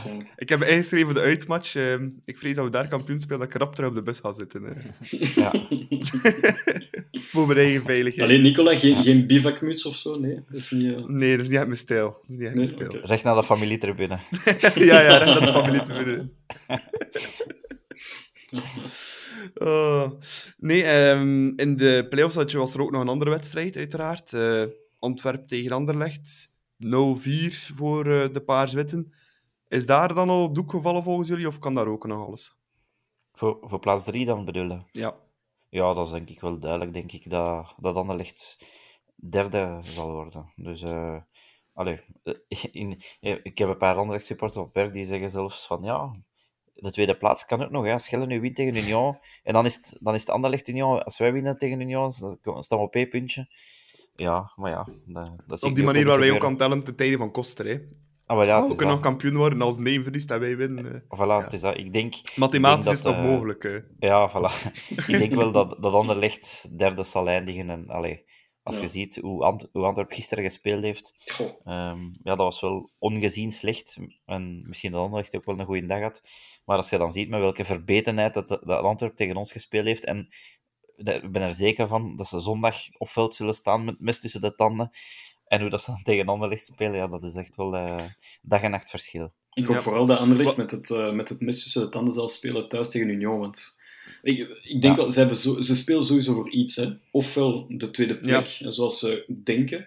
eh, oftewel gewoon die derde plek verstevigen. Dus, eh, Ja, en niet ja. alleen dat, maar ook... Allee, ik hoop dat ze in de paars-witte kant van Brussel ook een beetje eergevoel hebben en geen vier derbies willen verliezen Voilà. tegen, tegen kleinbroertje Union. Dat ook. Ja. Maar Allee, dat, ja, zou bedoel, eh, dat zou gênant zijn. Ja. gênant, dat is heel erg gênant. Hè. Ik bedoel, eh, Het is ook- Stel voor dat wij vier derbies zouden verliezen tegen Cerkel. Het is ongeveer hetzelfde, hè, qua... Ja, maar het, is- Qua het dingen. is wel Oh, heel ja. hoopvol voor te denken dat de Ik mogen veel eergevoel hebben. Hè? Dus ik, ik weet het niet. Hè. Het is, ik vind het toch niet. En, eh, Wel, eh, Jens, wat wordt volgens jou de moeilijkste van de drie wedstrijden ehm, die nog komt? de, ja, de thuismatch tegen Union, denk ik. Ja? Ik denk ook de match eh, op Antwerp gaat volgens mij niet veel problemen opleveren. Ik zie aan de staat eh, dat Antwerp verkeert. Zie die gewoon nog elke match verliezen eigenlijk. Eh, Antwerp heeft ook best de Jean Mafou al nu. Het kan net geen groot verschil Hè. Die zijn eigenlijk allemaal op vakantie. Hè. Ja, de kop. supporters ook niet, want die blijven zingen bij 0-4. hè. ja, voilà, die, zien, het probleem- het- die, zien, die, die zien waanbeelden. eh, dat- Het probleem is dat Antwerp tegen Club zich wel dubbel zal plooien. Dat kan ik u echt verzekeren. Antwerp Oh ja, het is zich altijd tegen ons. Dat denk ik ook wel, ja. Dat denk ik ook wel. Dat we niet, niet datzelfde Antwerp zien eh, als tegen Anderlecht. Nee, maar ik denk als we winnen tegen Union, dat het gevoel ons er wel makkelijk over gaat, over gaat helpen. Ze. Nu, hoeveel gaat afhangen van die thuismatch tegen Union. hè. Ja, Ja, ja, sowieso. Ik- Als dat, als dat gelijk spel wordt, ja, dan, goh, dan, eh, dan heb ik er nog wat schrik voor. Hè. Ja, dat is te open op de moven, hè. Ja, op het eergevoel. shit. Nee. Ja, op het eergevoel. het erevoel van de Ja. moven. Ehm, een andere topic die ook heel hot is, is eh, onze coach, Alfred Schreuder. Ja, fantastisch gedaan eh, bij ons, maar is helaas ook niet eh, Ajax Amsterdam ontgaan. Ehm, volgens NOS is die weg. Matthias, geloof je dat ook, dat het effectief zo gaat zijn? Ik denk dat hij, dat weg is. Ehm, er zijn veel te veel goede bronnen die het bevestigen. Eh, en dan spreek ik niet enkel over NOS, want als wij moeten eh, uitgaan van eh, Peter van de Bent en zijn wandelgangen, dan, dan moeten wij daar zeker niet te veel aandacht aan vestigen. Maar nee, voor mij is hij weg. Voor mij is hij weg. En, en als ik hem één. Als je... Als je ik, ik gun het hem. Alfred Schreuder bij Ajax, hij zit daar, kind aan huis. Ja. Alle spelers houden van hem. Het is een Nederlander. ehm, ja, het is de ultieme droom. Dus wie, wie zijn wij om te zeggen van nee, je mocht dat niet doen. Dus als hij weggaat, bon vent. Ik vind dat een fantastische coach, een heel onderschatte coach in de media. Want hij werd opnieuw door Mark de Grijze, door Peter van den Bent en door heel veel andere mensen vandaag een beetje teniet gedaan door zijn tactische, eh, ja, slechte brein. Maar eh, ik vind dat gewoon een fantastische coach. En hij heeft een kern aangenomen van Philippe Clement, een kern die helemaal verzadigd was, die er geen goesting, mee, eh, geen goesting meer had. En wat dat hij doet, puur statistisch gezien, dat is fenomenaal. Ja. Ehm, Nico, Matthias zei het al net, ja, er zijn heel wat mensen die er tegen zijn, ook supporters. Allee, ik denk maar aan Erik Goens, bekende clubsupporter, die heel kritisch is altijd over Schreuder. Snap je dat nog, dat, er, dat die critici er nog altijd zijn? Want de cijfers, allee, liegen er niet om. Hè. Eh, we krijgen geen goals niet meer binnen, we maken er veel meer. Ehm, Oké, Mhm. we spelen geen eh, champagnevoetbal, maar dat is ook niet eigen aan club, vind ik. Ehm, snap, snap jij die kritiek daarop? Want ik vind dat eigenlijk compleet van de pot gerukt. Ja, maar dat is natuurlijk een beetje consistent willen zijn in je eigen commentaar. Als je van in het begin iemand altijd afmaakt op Twitter, Ja. dan gaat je na een tijd niet meer je ongelijk willen, willen toegeven, denk ik. En als die kritiek er is, dat is denk ik ook enkel door de manier van, van spelen soms, dat het misschien ja, minder sturm en drang is. Maar het is eigenlijk een beetje gelijk dat we in onze special al eh, hadden aangekondigd, dat hij het meer ehm, voorzichtiger aanpakt, de momenten kiezen. En hij heeft ook van in het begin gezegd, ja, club krijgt heel veel doelpunten tegen. Dat is iets dat ik toch wil aanpakken, vooral. Dat we een beetje ja, beter gaan staan op verdedigend vlak, dat we minder met ene pas door dat middenveld helemaal worden opengereten. En dat heeft hem toch wel heel goed aangepakt, vind ik. En ja, natuurlijk, dat, dat is misschien iets minder spectaculair, maar Mhm. ik moet eerlijk zeggen, dat kan mij nu echt totaal niet schelen. Als we zo'n reeks neerzetten voor de playoffs, en nu toch ook eh 7 op 9 al, al pakken in de, in de playoffs, dan, ja, dan kan En- mij de manier waarop toch een beetje gestolen worden. En niet vergeten, Ja, hij, snap. pak- hij pakt over in januari. hè. Ik bedoel, dat, dat vergeten mensen Ja. soms. We stonden 12 punten achter op Union. En hij pakt over en meteen op stage vertrekken in Spanje. Allee, ik bedoel, eh, Ja. sommige dingen moet je wel een klein beetje in de context plaatsen. En dat doet de media tijd gewoon geven, hè. niet. Stond Voilà, er en 12 tijd punten achter toen? Was, was Ja. dat niet maar 7 Ja, ja. punten? Nee. Nee, Nee, er is nog Dus- geen 12. Nee, nee, nee. nee. nee. Ah, was nog- la- later 12, oké. Ja, en na, na standaard en zo. ehm Ja, ja. 12, maar we stonden inderdaad al 7 of 8 punten achterlijk dat Jens zei. eh. Het, het, een, een, een niet onbelangrijke voetnoot vind ik wel van Schreuder is dat hij ja, naar mijn gevoel wel iets te weinig van onze toch niet slechte Club Next jeugd gebruikt. Dus qua doorgroei zie ik Ja. daar wel minder, ja, minder in doorstromen Ja, dan bij een Clement zelf. Ja. Nu, dat kan zijn verschillende redenen hebben natuurlijk, hè, maar ja, dat, is, dat is op basis van hè, de prestaties van Ja, januari is- tot nu gezien. hè. Het is, het is money time. hè. Ik denk ook als je bepaal, ja, je moet bepaalde keuzes maken. Eh en Bamba laat het een beetje hangen op training, blijkbaar. En, en oké, Noosa heeft hij ook op, op, op het goede moment gebracht. Hè. Soms moet je ook iemand brengen als je het gevoel hebt van oké, nu kan ik hem brengen. Dat was het geval bij Noosa. Eh, maar ik snap wel sowieso, ja, puntjes. Ik bedoel, eh, er zijn gewoon minder nekspelers die kansen krijgen. Maar ik denk dat hij gewoon denkt aan realistisch voetbal, punten pakken en, en gewoon, ja, nu is het Ja, dat is ook het type coach dat hij is. Hè. Ja, ja, Mhm. absoluut. Ja. ja. Eh, Jens, stel dat we de titel pakken. Hoe groot is volgens jou het aandeel van Schreuder daarin? Maar ik zou zeggen toch 65, 70 procent dan. Ehm, dat is niet, ja, niet eh, slecht bedoeld. Eh, zeker niet voor uh, Philippe Clement natuurlijk, want hij heeft er ook een zeer groot aandeel in. Hè. Dus ik zou ook wel durven zeggen dat Clement zijn vierde titel op rij is ook daarbij hoor. Dus het is echt wel een Ja. gedeelde prestatie. eh, ai. ik weet, Clement wordt soms wel gezegd van ja, die heeft een beetje laten hangen de laatste maanden en zo. Ja, klopt ook wel, maar daarbij wordt er te vaak gekeken naar wat wel, ai, te vaak vergeten naar wat hem wel gepresteerd heeft. Hè. Ja. Maar in dat Nico, opzicht, ik ja, zie, Schreuder heeft het ook wel natuurlijk wel ik- ik- goed gedaan. Hè? ik zie aan Nico zo grimas dat hij niet eh, akkoord is. Ja, ja maar maar ik wil nog één ding daarbij misschien wel vermelden dat we niet mogen vergeten. En dat zijn de Ja, wintertransfers voilà, die, inderdaad. die gebeurd zijn. Want ik denk met, allee, Die- met ja. Clement was het op natuurlijk. Schreuder heeft overgepakt. Maar ik denk dat de wintertransfers toch ook wel een, Ja en nee. een heel groot aandeel hebben als we, als we zouden kampioen worden. Want Ja, ja dat en nee, vind ik. Want eh, uiteindelijk, ja, oké, de wintertransfers, maar we krijgen ook, het is vooral verdedigend dat veel beter aan elkaar zit. Het systeem zit beter aan elkaar. Vooral, dat vooral, de- vooral defensief. En dat heeft Ja. niet per se te maken met die wintertransfers. Of het is Nee, maar als je het ja. aandeel ziet van, van, van een Scoff Olsen, van, van, eh, van een Buchanan, van Odoi, eh, Adam Jan, dat is dan door Schreuder zelf, want daar heeft, mogen, we- mogen we ook dan wel een compliment voor geven Ja. aan Schreuder. Maar dat zijn voornamelijk aanvallende transfers. Dat zijn niet de verdedigingstransfers waar we de grootste progressie op gemaakt hebben. Hè. Nee, maar het- het- ze hebben wel een groot aandeel in ons, in ons Ja. succes, denk ik. Alleen al als je de statistieken van, van eh, Scoff Olsen bijvoorbeeld eh, Mhm. bekijkt. Nee, ik vind het dan wel heel jammer dat we Buchanan niet van in begin van het seizoen konden hebben misschien. Dat is misschien het, Hij het, het verder gestaan hebben. Gaan Ja, verder gestaan is, hebben. aan de, langs de andere kant heeft het, is het wel zoiets magisch dat hij in de winter op twee flanken erbij en dan vlammen maar met Mhm. Adam Jan vooraan. En het niveau van Ja, ik vind... is ook wel naar boven gaan natuurlijk. Hè. Het is het begin van de competitie. Dat is ook Ja. wel een verdedigende Ja. factor dat ja, stelt. Maar, maar ik vind wel dat Nicola gelijk heeft in de zin van... ehm, Oké, hij heeft aanvallend heel veel bijgekregen met eh, TJ, met, met Scovolsen, et cetera. Maar verdedigend, sorry, maar met Clement had ik het gevoel, zoals Nicola aangaf, met één pas heel, die, heel dat middenveld opengereten en dan Ja. kon zij alleen op doel af. Voor mij, als, als club kampioen speelt, is dat 100% de verdienste van Schreuder. En de spelers natuurlijk, en de staf en, en het bestuur, et cetera. Maar voor mij is dit de, de titel van Schreuder en niet de titel van Clement. Niks tegen Clement, maar kijk gewoon naar de periode tussen januari en hopelijk een leuke kampioenspecial binnen twee weken. Eh, en dan is het voor mij de titel van Schreuder, vind ik wel. Hij heeft er terug schwung in gekregen. Hè. Dat, is, Voilà. dat is ook nog een keer niet alleen tactisch, maar eh, iedereen terug op, op, dezelfde, op dezelfde lijn Wow. gekregen. Terug. Die drive erin, dat, dat was toch vooral iets dat we misten, eh, En, vond ik. en als hij de titel Mhm. niet haalt, dan zie je dan ook al het verlies van Schreuder.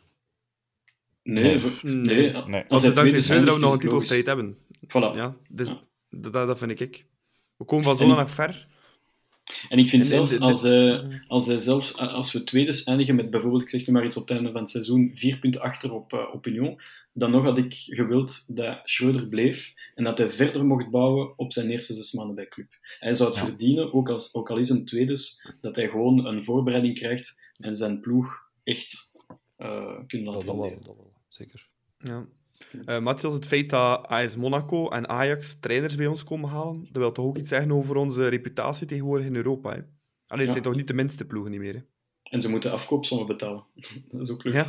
Eh, nee, nee, het zijn, het, zijn, het zijn fantastisch mooie ploegen. Eh, ja, allee, Ajax, dat is toch de absolute referentie. Dus iedereen spiegelt zich, als je Anderlecht en een heel andere ploegen, iedereen spiegelt zich een beetje op Ajax. Ehm, dus als zij als numero uno kijken naar Alfred Schreuder en daarna pas naar Peter Bosch en alle anderen op het lijstje, dan mogen wij toch best fier zijn op de keuze die wij gemaakt hebben. En, eh, en ja, toen hij Monaco Clément ging halen, was ik zo'n beetje sceptisch van oké, gaat het lukken? Maar oké, Clément doet het gewoon fenomenaal bij, bij Monaco. En ik gun het ook, eh, de man zelf, om, om te knallen in Monaco. Ehm, te zien op de lange termijn of dat, dat wel nog verder gaat blijven lukken, want dat is altijd de vraag. Maar, eh, maar op dit moment ja, zijn onze trainers van club hot. Eh, dat, is, het minste dat we ook mogen zeggen. Ja, het is eigenlijk Ja. een win-win-win Ehm, geweest. ja. Buiten voor Ruud dan misschien. Maar bon. Ja, maar dat heeft Ruud denk ik eerder aan zichzelf te danken dan aan Ja, zijn klopt. coaches. Want het is al de derde, al de derde coach waarmee dat hij in de clinch gaat. Dus En, moest ja, nu de Le- eerste zijn. Leco was ook het Leco. geval, hè. Ja, Ja, met Leco is hij in de clinch gelegen, met Clément dan Mhm. ook. En dan nu met Schreuder, ja, niet echt in de clinch, maar ook gewoon naast de ploeg. Dus ja, dan... Ja, en dat is misschien ook een, een is op, voor, voor Schreuder. Het is een gentleman en hij kan dat wel... Hij kan het inpakken. Hij kan een Dost en een Vormer toch... Want je zag ook de blijdschap van Vormer na de, na de match eh, op Union. Hij was echt aan het vieren met de speers. En dat was heel lang geleden dat ik Vormer niet zo had zien vieren eh, nadat hij compleet naast de ploeg was gevallen. Dus dat is ook wel mooi gedaan van Schreuder om het toch mooi Ja. in te pakken. Met hem. Mhm. Ja, nu stel dat hij weggaat, effectief, Schreuder. Ehm, wat voor type coach moeten we halen? Moeten we terug voor een, eh, een Nederlander gaan? Of, of een internationale coach? Of moeten we in eigen land gaan kijken naar een eh, ik zeg maar iets, een eh, Wouter Franken of zo. Nico?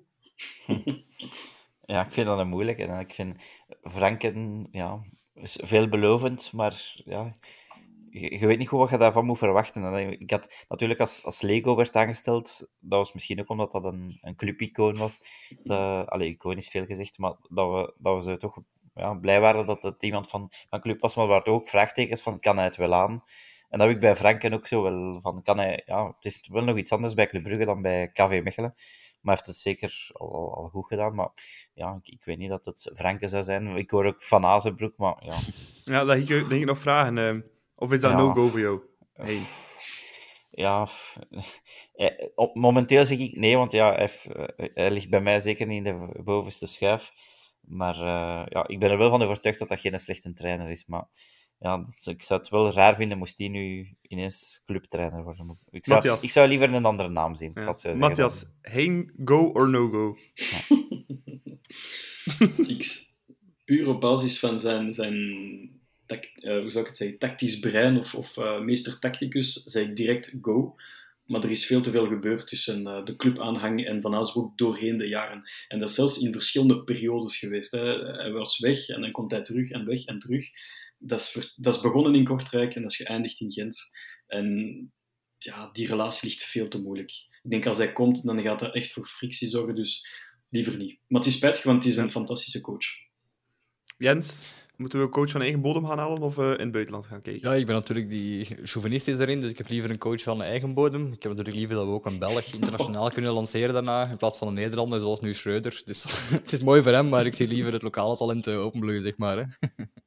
Dus dat mag, er- Zoals? ja, dat mag gerust een Wouter Franke zijn, maar ja, misschien is dat ook wel heel risicovol. Maar ik zie ook een Rick de Mil, zie ik ook heel actief bezig zijn nu op de bank. Ehm, en, als ik, ja, en als ik dan kijk wie dat er langs de zijlijn naast Schreuder eh, bijna al even hard aan het coachen was, Ja, Karel. Hoefkes. Karel Hoefkes is Ja. inderdaad ook duidelijk aan het ambiëren voor die richting eh, uit te gaan. Nu, dat voor hem ja, is iets te vroeg misschien. Ik zeg, Rick de Mil heeft ook al die ervaring met Club Next. Mm. Ik vind dat voor hem, waarom zouden we dan een keer niet riskeren? Eh, ja, ik weet het niet. Ja.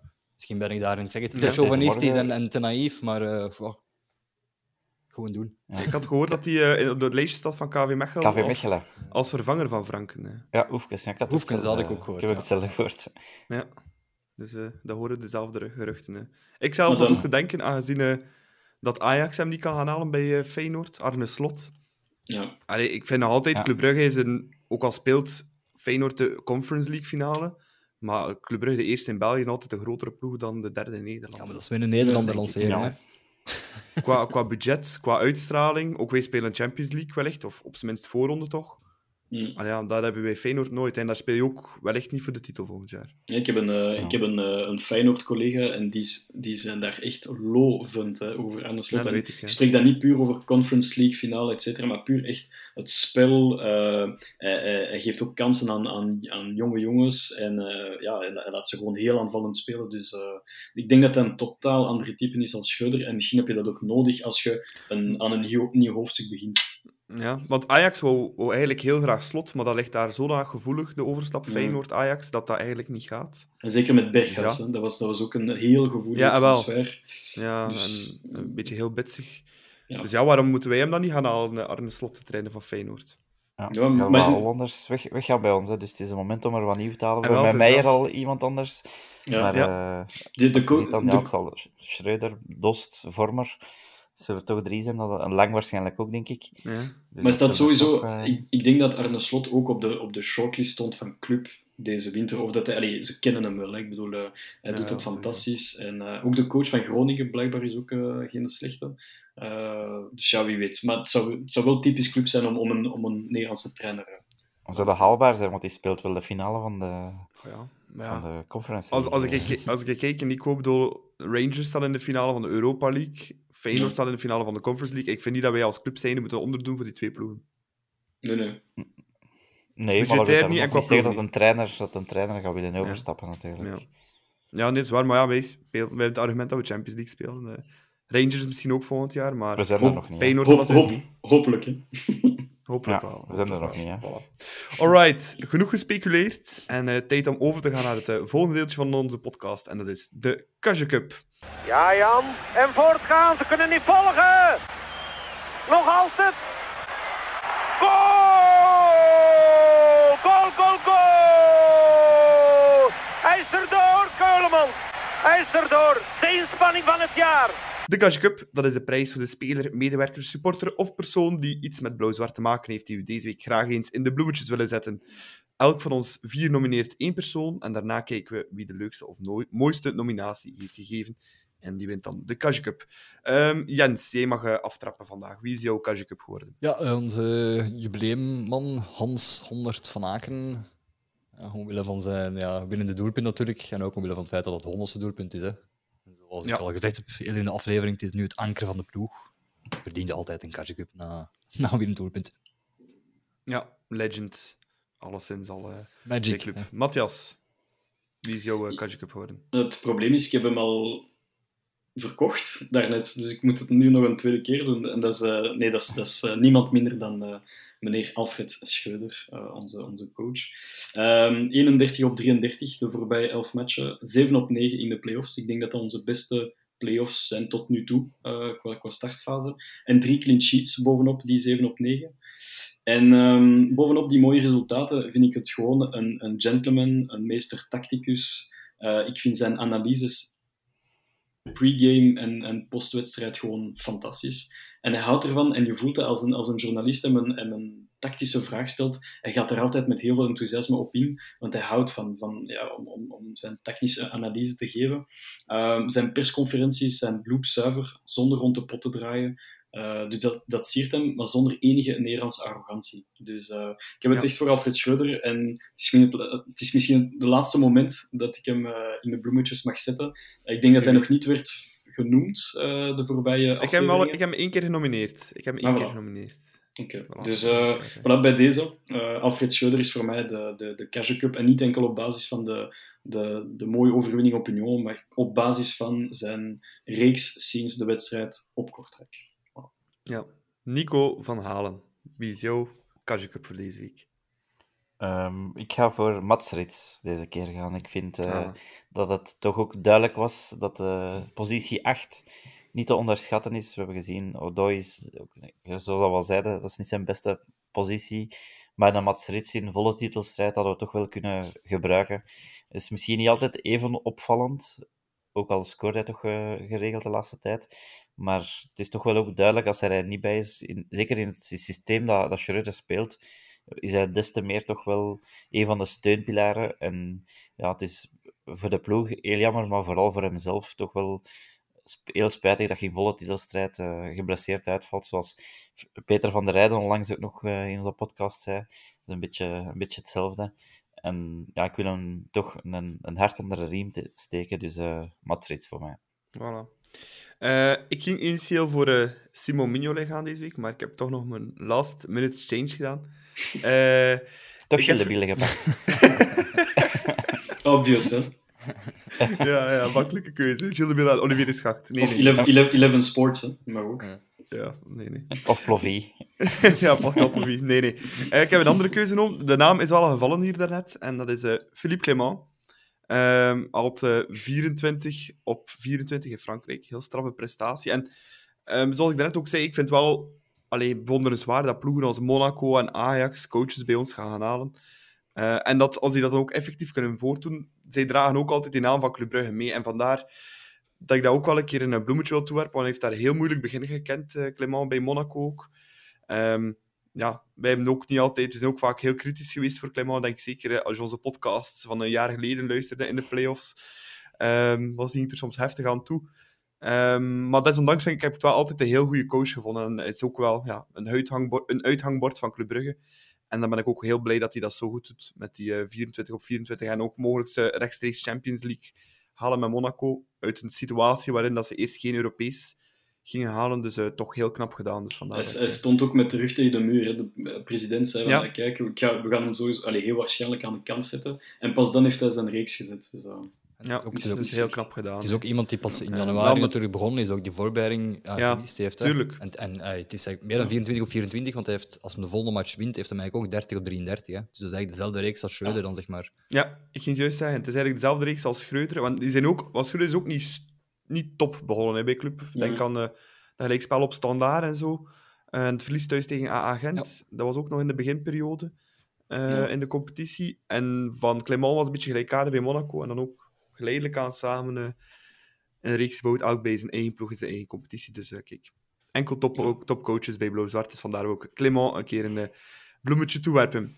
Maar ehm, ik moet eerlijk zeggen, ja, mijn eh, gevoel gaat uit... Allee, Mats Rits heeft hem ook al een paar keer gewonnen dit jaar, Nico, dus... Maar ik vond het wel een mooie nominatie, maar ik ga toch voor eh, Hans van Aken gaan met 100 doelpunten. Eh, ja, Ja. legend. Ik kan daar ook Mm. wel mij iets bij voorstellen. Allee, jullie Ja. mogen meteen spreken, hè? Nee, maar ik, ik snap het wel, want ik, toen ik, ik wist dat niet trouwens van die 100 goals. En toen ik het zag van, eh, Club heeft daarover gecommuniceerd, ik verschoot helemaal. En eh, tijdens mijn middagpauze heb ik mij 15 minuten YouTube, En zalig, hè. Oh, de 100 man. goals van Van Aken, en, en dat is Ik heb het ook gedaan. genieten. Ook. Ja. Letterlijk in mijn middagpauze tv opgezet en echt Voilà. mooie goals ook, hè. fantastisch. Vier, vier, die goal- vrede- Dat is de werkuur eigenlijk. Ja, uiteraard. Wel, welke, Ja. welke vonden jullie de mooiste? Ja, De, mo- de mooiste goal? Op Anderlecht. Op Anderlecht. Ja, ja, nee, dat is waar. Maar er zaten toch wel enkele beauties bij, ze.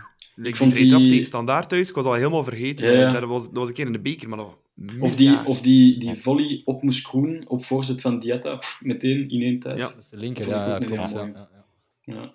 Ja, ook een van zijn eerste goals, dat hij echt met dat solo-werk zo links, rechts, links, rechts en dan het andere hoekje wegleggen. Ik was helemaal vergeten dat zijn, zijn allereerste goal eh, in de beker was op uh, Patroise, denk ik, nee? Fran Borin, Van denk Borin. ik. Het was Fran Ah, Borin. Van Borin? Ja. Ja, op voorzet van Meunier.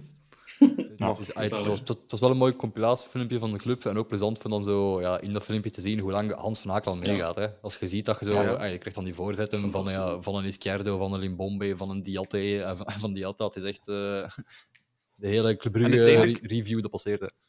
En uiteindelijk ook nog maar zijn zesde seizoen hè, bij Club. Ik heb zo'n Ja, gevoel dat hij al tien jaar 15 denk ik speelt. of zo, 6, 7 dan? Ja. 15, Hij is- 16 is hij bij Club gekomen. juist Het ook dat in, juni 2015. Ja, Ja, in het kampioenenjaar is hij toegekomen. ja samen met Ja. Diaby. Want hij heeft nog nooit een beker gewonnen, Hans van Aken met Club. Dus kijk, dat, moet hij nog, eh, dat is het enige dat hij nog moet afvinken, denk ik. Of de, of de Europa League. Ah ja, kijk. Beker met... eh je zei de beker met een grote oren, maar dat is Ja. helemaal eh, Nou, dus... een beetje overdreven. Het zal Laat moeilijk Faris Haroun hier buiten, hè.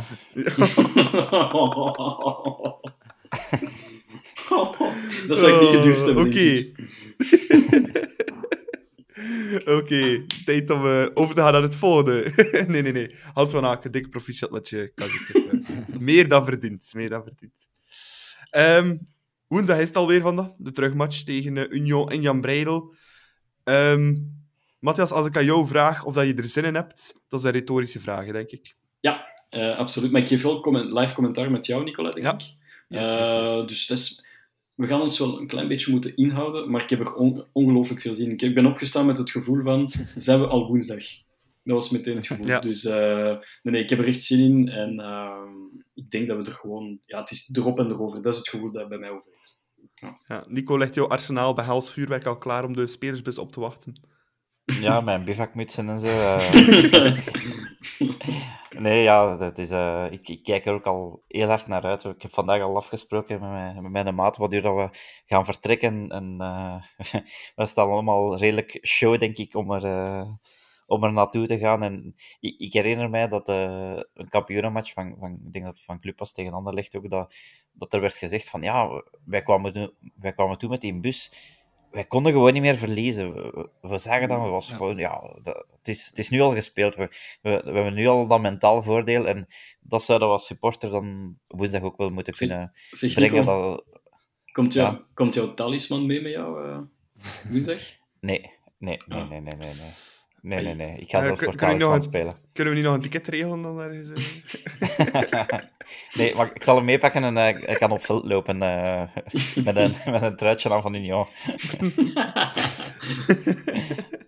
Eh, Jens, ik denk als we kijken naar qua, sfeer in Jan Breidel, dat we, dat we er één match kunnen uitpikken dit seizoen. Dat was die thuismatch tegen PSG. Dat was fenomenaal. Denk je dat we erover gaan eh, qua publiek eh, woensdag, Jens? Eh, ik denk het wel. Hè. We gaan ook het weer goed mee hebben. Ik heb ook al gekeken. Ik ben er ook al naar aan het uitkijken. 23 graden overdag. Dus ik denk rond 's avonds zullen we nog wel een mooi zonnetje hebben. Het is te hopen dat Mignolet zijn klak niet nodig heeft. Maar ik denk wel dat qua sfeer zeker en vast goed gaat zitten. Dus dat we genoeg opzwepend zullen zijn voor de ploeg mee te nemen. En zodra dat begonnen is, dan, dan is het helemaal los eigenlijk. Hè. Ja.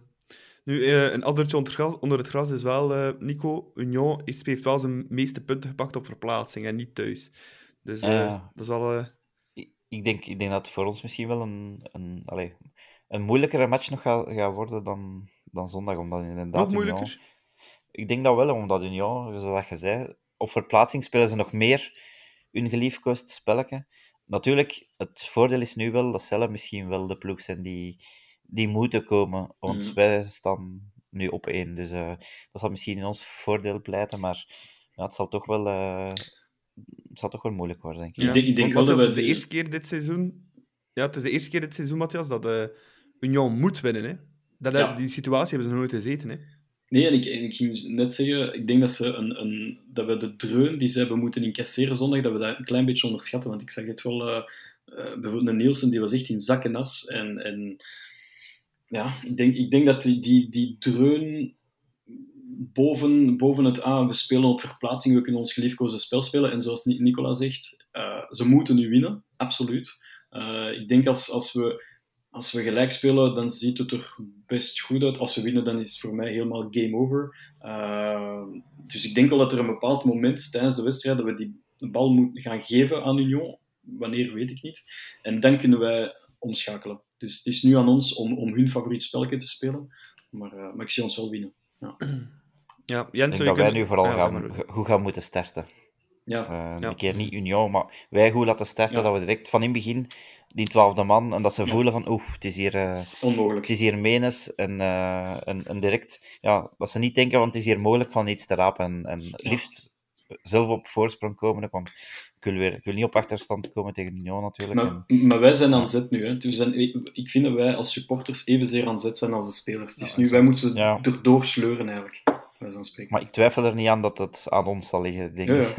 ik denk dat eh, dat clubpubliek eh, heel goed wakker zal zijn. Ja. Jens, eh, we speculeren hier allemaal op de overwinning natuurlijk, maar zou je ergens kunnen leven met een gelijkspel ook? Nee, nee, eigenlijk niet. eh. net, net zoals de vorige match eh, zou, het, kan echt, het te kantje boordje vinden voor eh, gelijk te spelen en dan de volgende twee matchen te moeten aanvatten ja, in de gelijke stand, evenveel punten. Ja, dat vind ik toch echt wel heel, heel gevaarlijk. Ja. Ehm, nu, in de vorige drie matchen, Nico, kunnen we wel niet zeggen dat Club de betere was hè, van Union. Dus hoe gaan we dat deze keer omdraaien? Door rap te scoren, denk ik dat, eh, zoals ik dat juist zei, ik denk dat dat mentaal moeten we vooral kraken, denk ik. En dat, dat kan al door een, een, een twaalfde man, dat kan door een, een vroeg doelpunt. En ik zou ook zeggen, stevig in duel. Want ik vond, op Union vond ik dat, dat Union heel veel duels won. Ehm, zowel bij in, in hun defensie als het middenveld. Juist voorin be- hebben ze niet zoveel duels gewo- gewonnen tegen onze sterke defensie. Maar voor de rest op veld vond ik dat het één tegen één, dat we heel veel duels verloren. Ook de afvallende bal was elke keer voor Union. Dus ik denk dat we toch wel iets meer met mes tussen de tanden eh, nog moeten spelen. En ook op dat vlak laten voelen van eh, hier de Gelle vandaag niks komen pakken. Mhm. Ehm, er zijn wel nog een paar vraagtekens bij Club. Als we dan kijken naar de basiself. Eh Scov Olsen zou niet helemaal fit zijn. Een Sokkie eh, geschorst. Eh Matthias, zeg een keer jouw eh, starting 11 voor Ik- woensdag. ja, Jack Henry lijkt de logische vervanger, maar ik zou Odoi zeker niet uitsluiten. Dus eh, allee, En, en, en Rika van, van 100 stof halen voor de links centraal ik, ik, ik hoop het. Eh, Ik zei het nog in onze WhatsApp-groep, maar Nico zei heel, en dat, was helemaal correct. Hij zei van ja, waarom zou hij van niks tot eh Rika titularis? eh dus dat lijkt mij wel een te grote surprise van de chef te zijn. Dus ik verwacht Hendry en dan Mechel en Matta. En dan ja, op middenveld Balanta. Eh Odoi gaat hem geen tweede keer doen, denk ik. Dus ik denk Van Aken en Charles, dus vooruitbouwend op hetgeen dat, hij, dat, eh, dat wij de laatste 20 minuten hebben gespeeld eh, tegen op Union. En dan de flanken Skof rechts en Buchanan links. En als Skof niet kan spelen, dan Buchanan rechts en Sobol links. En dan eh, Adamian en Lang voorin. Ja. Jens, volg je Matthias? Ik volg volledig, ehm, zelfs zijn eh, vervanging van Skov en zo, dus ik kan me helemaal vinden in zijn opstelling. Van mij mocht je ze zo eh, op het veld sturen, Matthias. Zal ik zal de, een berichtje sturen aan, aan, aan, mijn, aan mijn vriend eh, Alfie. Voilà. Ja. Nico, kan je dat volgen als we dat berichtje sturen naar, eh, naar Alfred Scheuder? Ja, en misschien, het, is, het zou een hele surprise van de chefs zijn, maar wie ik bijvoorbeeld ook al niet zou uitsluiten, maar dat zou wel heel straf zijn, Silla. is Silla. Ja. Want eh, dat is een linksvoetige centrale verdediger, maar het is natuurlijk een beetje... Debuut. Het, het moment om voor de leeuwen te gooien is misschien wat gevaarlijk. Ja. Maar ik, ik, ik hoor toch stemmen dat hij dat hij echt wel bevestigt bij Club Next en dat hij daar echt wel iets laat, laat zien. En ja, hij, hij zou sterk zijn, hij zou snel zijn, ook technisch eh, toch redelijk verfijnd. Alleen ja, is de vraag, is er moment. klaar voor? En Ik zie, het is misschien wat om die- voor de te, ja, ik zie die liever maar ik denk... ik zie die liever starten Ja. thuis tegen Serra, eigenlijk. Ja, Ja. ja. ik, ik, ik- ook wel. En ik denk voor hem dat het ook misschien, misschien beter zou zijn. Maar like, wat ik mij wel een beetje... Wat ik wel schrik voor heb als Henry daar speelt, zijn twee dingen. Enerzijds zijn snelheid, denk ik. Dat, zal, allee, dat is misschien een beetje gevaarlijk. En zeker tegen, tegenover een Sokkie is dat toch een, een, een verlies op vlak van, Mm. van snelheid. Maar ook misschien ehm, het gebrek aan voetballend vermogen. Geen links, geen linkse Ja, poot hebben. Vooral tegen zijn voet moeten spelen. Ja. denk ik Ja, dat- zeker als je dan... Allee, ik weet niet hoe, hoe dat hij zou spelen, maar stel dat Balanta Odoi blijven staan, en dan heb je Hendry die ook nog eens tegen zijn voet speelt. Als, ja, Wat denken jullie van de optie om Balanta daar te zetten? En Odoi gewoon Nee. op de zes? Mm, minder nee, van. ik zou die laten staan. We hebben die te veel nodig op de zes, vind ik. Hij heeft, hij heeft daar wel gespeeld eh, met River Plate, eh, voordat hij bij Basel speelde. Met Maar, Basel ook, eh, hè? Ook eh, Ah centraal. ja, bij. Basel ook af en toe. Ja. Maar ja, voor mij is Balanta nu een gevestigde middenvelder. Ik denk dat Club Ja. doorheen, doorheen zijn drie, vier jaar bij ons, dat hij zo twee, drie matchen heeft gespeeld achterin, zo, om, om even te depaneren. Mm, Maar liever niet. Nee. Met, met het, En ook niet bijzonder snel, hè. Dus, Nee. Nee, nee, nee, klopt. La, à la limiet, ik denk, ik denk bijna dat Odoi de beste keuze is, denk ik. Van de, Ja, de Mhm. drie. op, op zich ook, maar ik denk, wat ik ook wel in mijn achterhoofd hou, is, is hoe de, ja, de wissel gedaan heeft op, op Anderlecht.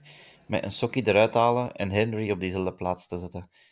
Dus ik denk wel Mhm. dat hij als vervanger van een Sokkie ook gewoon Henry hij- zal zien. En, en Henry deed het heel goed op Anderlecht trouwens, toen dat hij inviel. Ja, dat is Ja. waar. Met de tijd dat hij gespeeld heeft. hè. Alright, dan zijn we helemaal op het einde gekomen van de aflevering. Maar klassiek gezien doen we altijd nog eerst een pronostiekje. Jens, Club Brugge Union, woensdag, wat zal het worden? 2-0. 2-0. Matthias? Tjie toch, ik had ook 2-0 in gedachten. Ehm 4-2. Nico? Ik zeg 1-0. Eh, ik ga nog zotter doen dan Matthias. Ik ga 4-3 zeggen. eh. spektakel alom in het Jan Breidel stadion. Het echt, echt een hete avond zijn bij jullie, jezus. zenuw, inzinkingen, jullie terugkomen moeten van 1-3, 4-3 commentaar geven, in de allerlaatste Ja, seconde. het is dat. Ja, maar, ja, maar Nicola, Nicola gaat alleen commentaar geven dan, als als het wandelen. even want- een Ja, toerke doen, zo- zegt hij, ja. weg. Ja, laat een toerke doen. Ja, dat ga ik doen. In de perszaal. Alright. Oké, dan ga ik jullie allemaal bedanken om eh, erbij te zijn opnieuw vandaag, op deze voorlaatste aflevering van het seizoen. Maar eh, we zien elkaar sowieso nog terug. Nico, Matthias en Jens, eh, bedankt om erbij te zijn. En eh, ja, wie weet zijn we volgende week al terug met een kampioenenspecial. Het kan zomaar. Eh, en anders is Niet, binnen niet jinxen, Nicola. Niet jinxen. Anders ben twee weken met een kampioenenspecial. Of ja, gewoon een uh, fan de seizoen om te kijken hoe dat het... eh, dat afloopt. Daarvan gesproken trouwens, ik heb, ik heb gisteren nog een berichtje gestuurd naar Peter van der Rijden, die hier eh vele keer eh, gezegd had dat hij wel een DJ-set wou draaien. Ik had hem al lachend gestuurd van, eh, ik zou je mixen al maar in elkaar beginnen steken.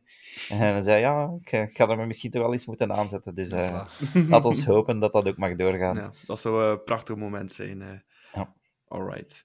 Oké, dan ga ik als laatste onze kanalen nog eens eh, zeggen. Je kan ons volgen op eh, Instagram met De Klokken Podcast. Op dezelfde manier kan je ons ook vinden op Twitter met De Klokken Podcast dus. En hashtag De Klokken kan je al onze berichten terugvinden. Mailtjes kan je sturen naar deklokkenpodcast.gmail.com. En vergeet ons zeker ook niet te followen op Spotify. Dan ben je als eerste op de hoogte als er een nieuwe aflevering online staat. En eh, geef ons zeker ook een rating op die kanalen. Bedankt voor het luisteren en tot over twee weken voor een eh, volgende aflevering van De Klokken. Tot dan! De paal is tot goal! Het is 3-4! Ryan Top, kopt hem erin! Voorbrengen, de goal van Philippe Clement. Goeie bal, Bortelmans, controle, schot, Vital Bortelmans, goal voor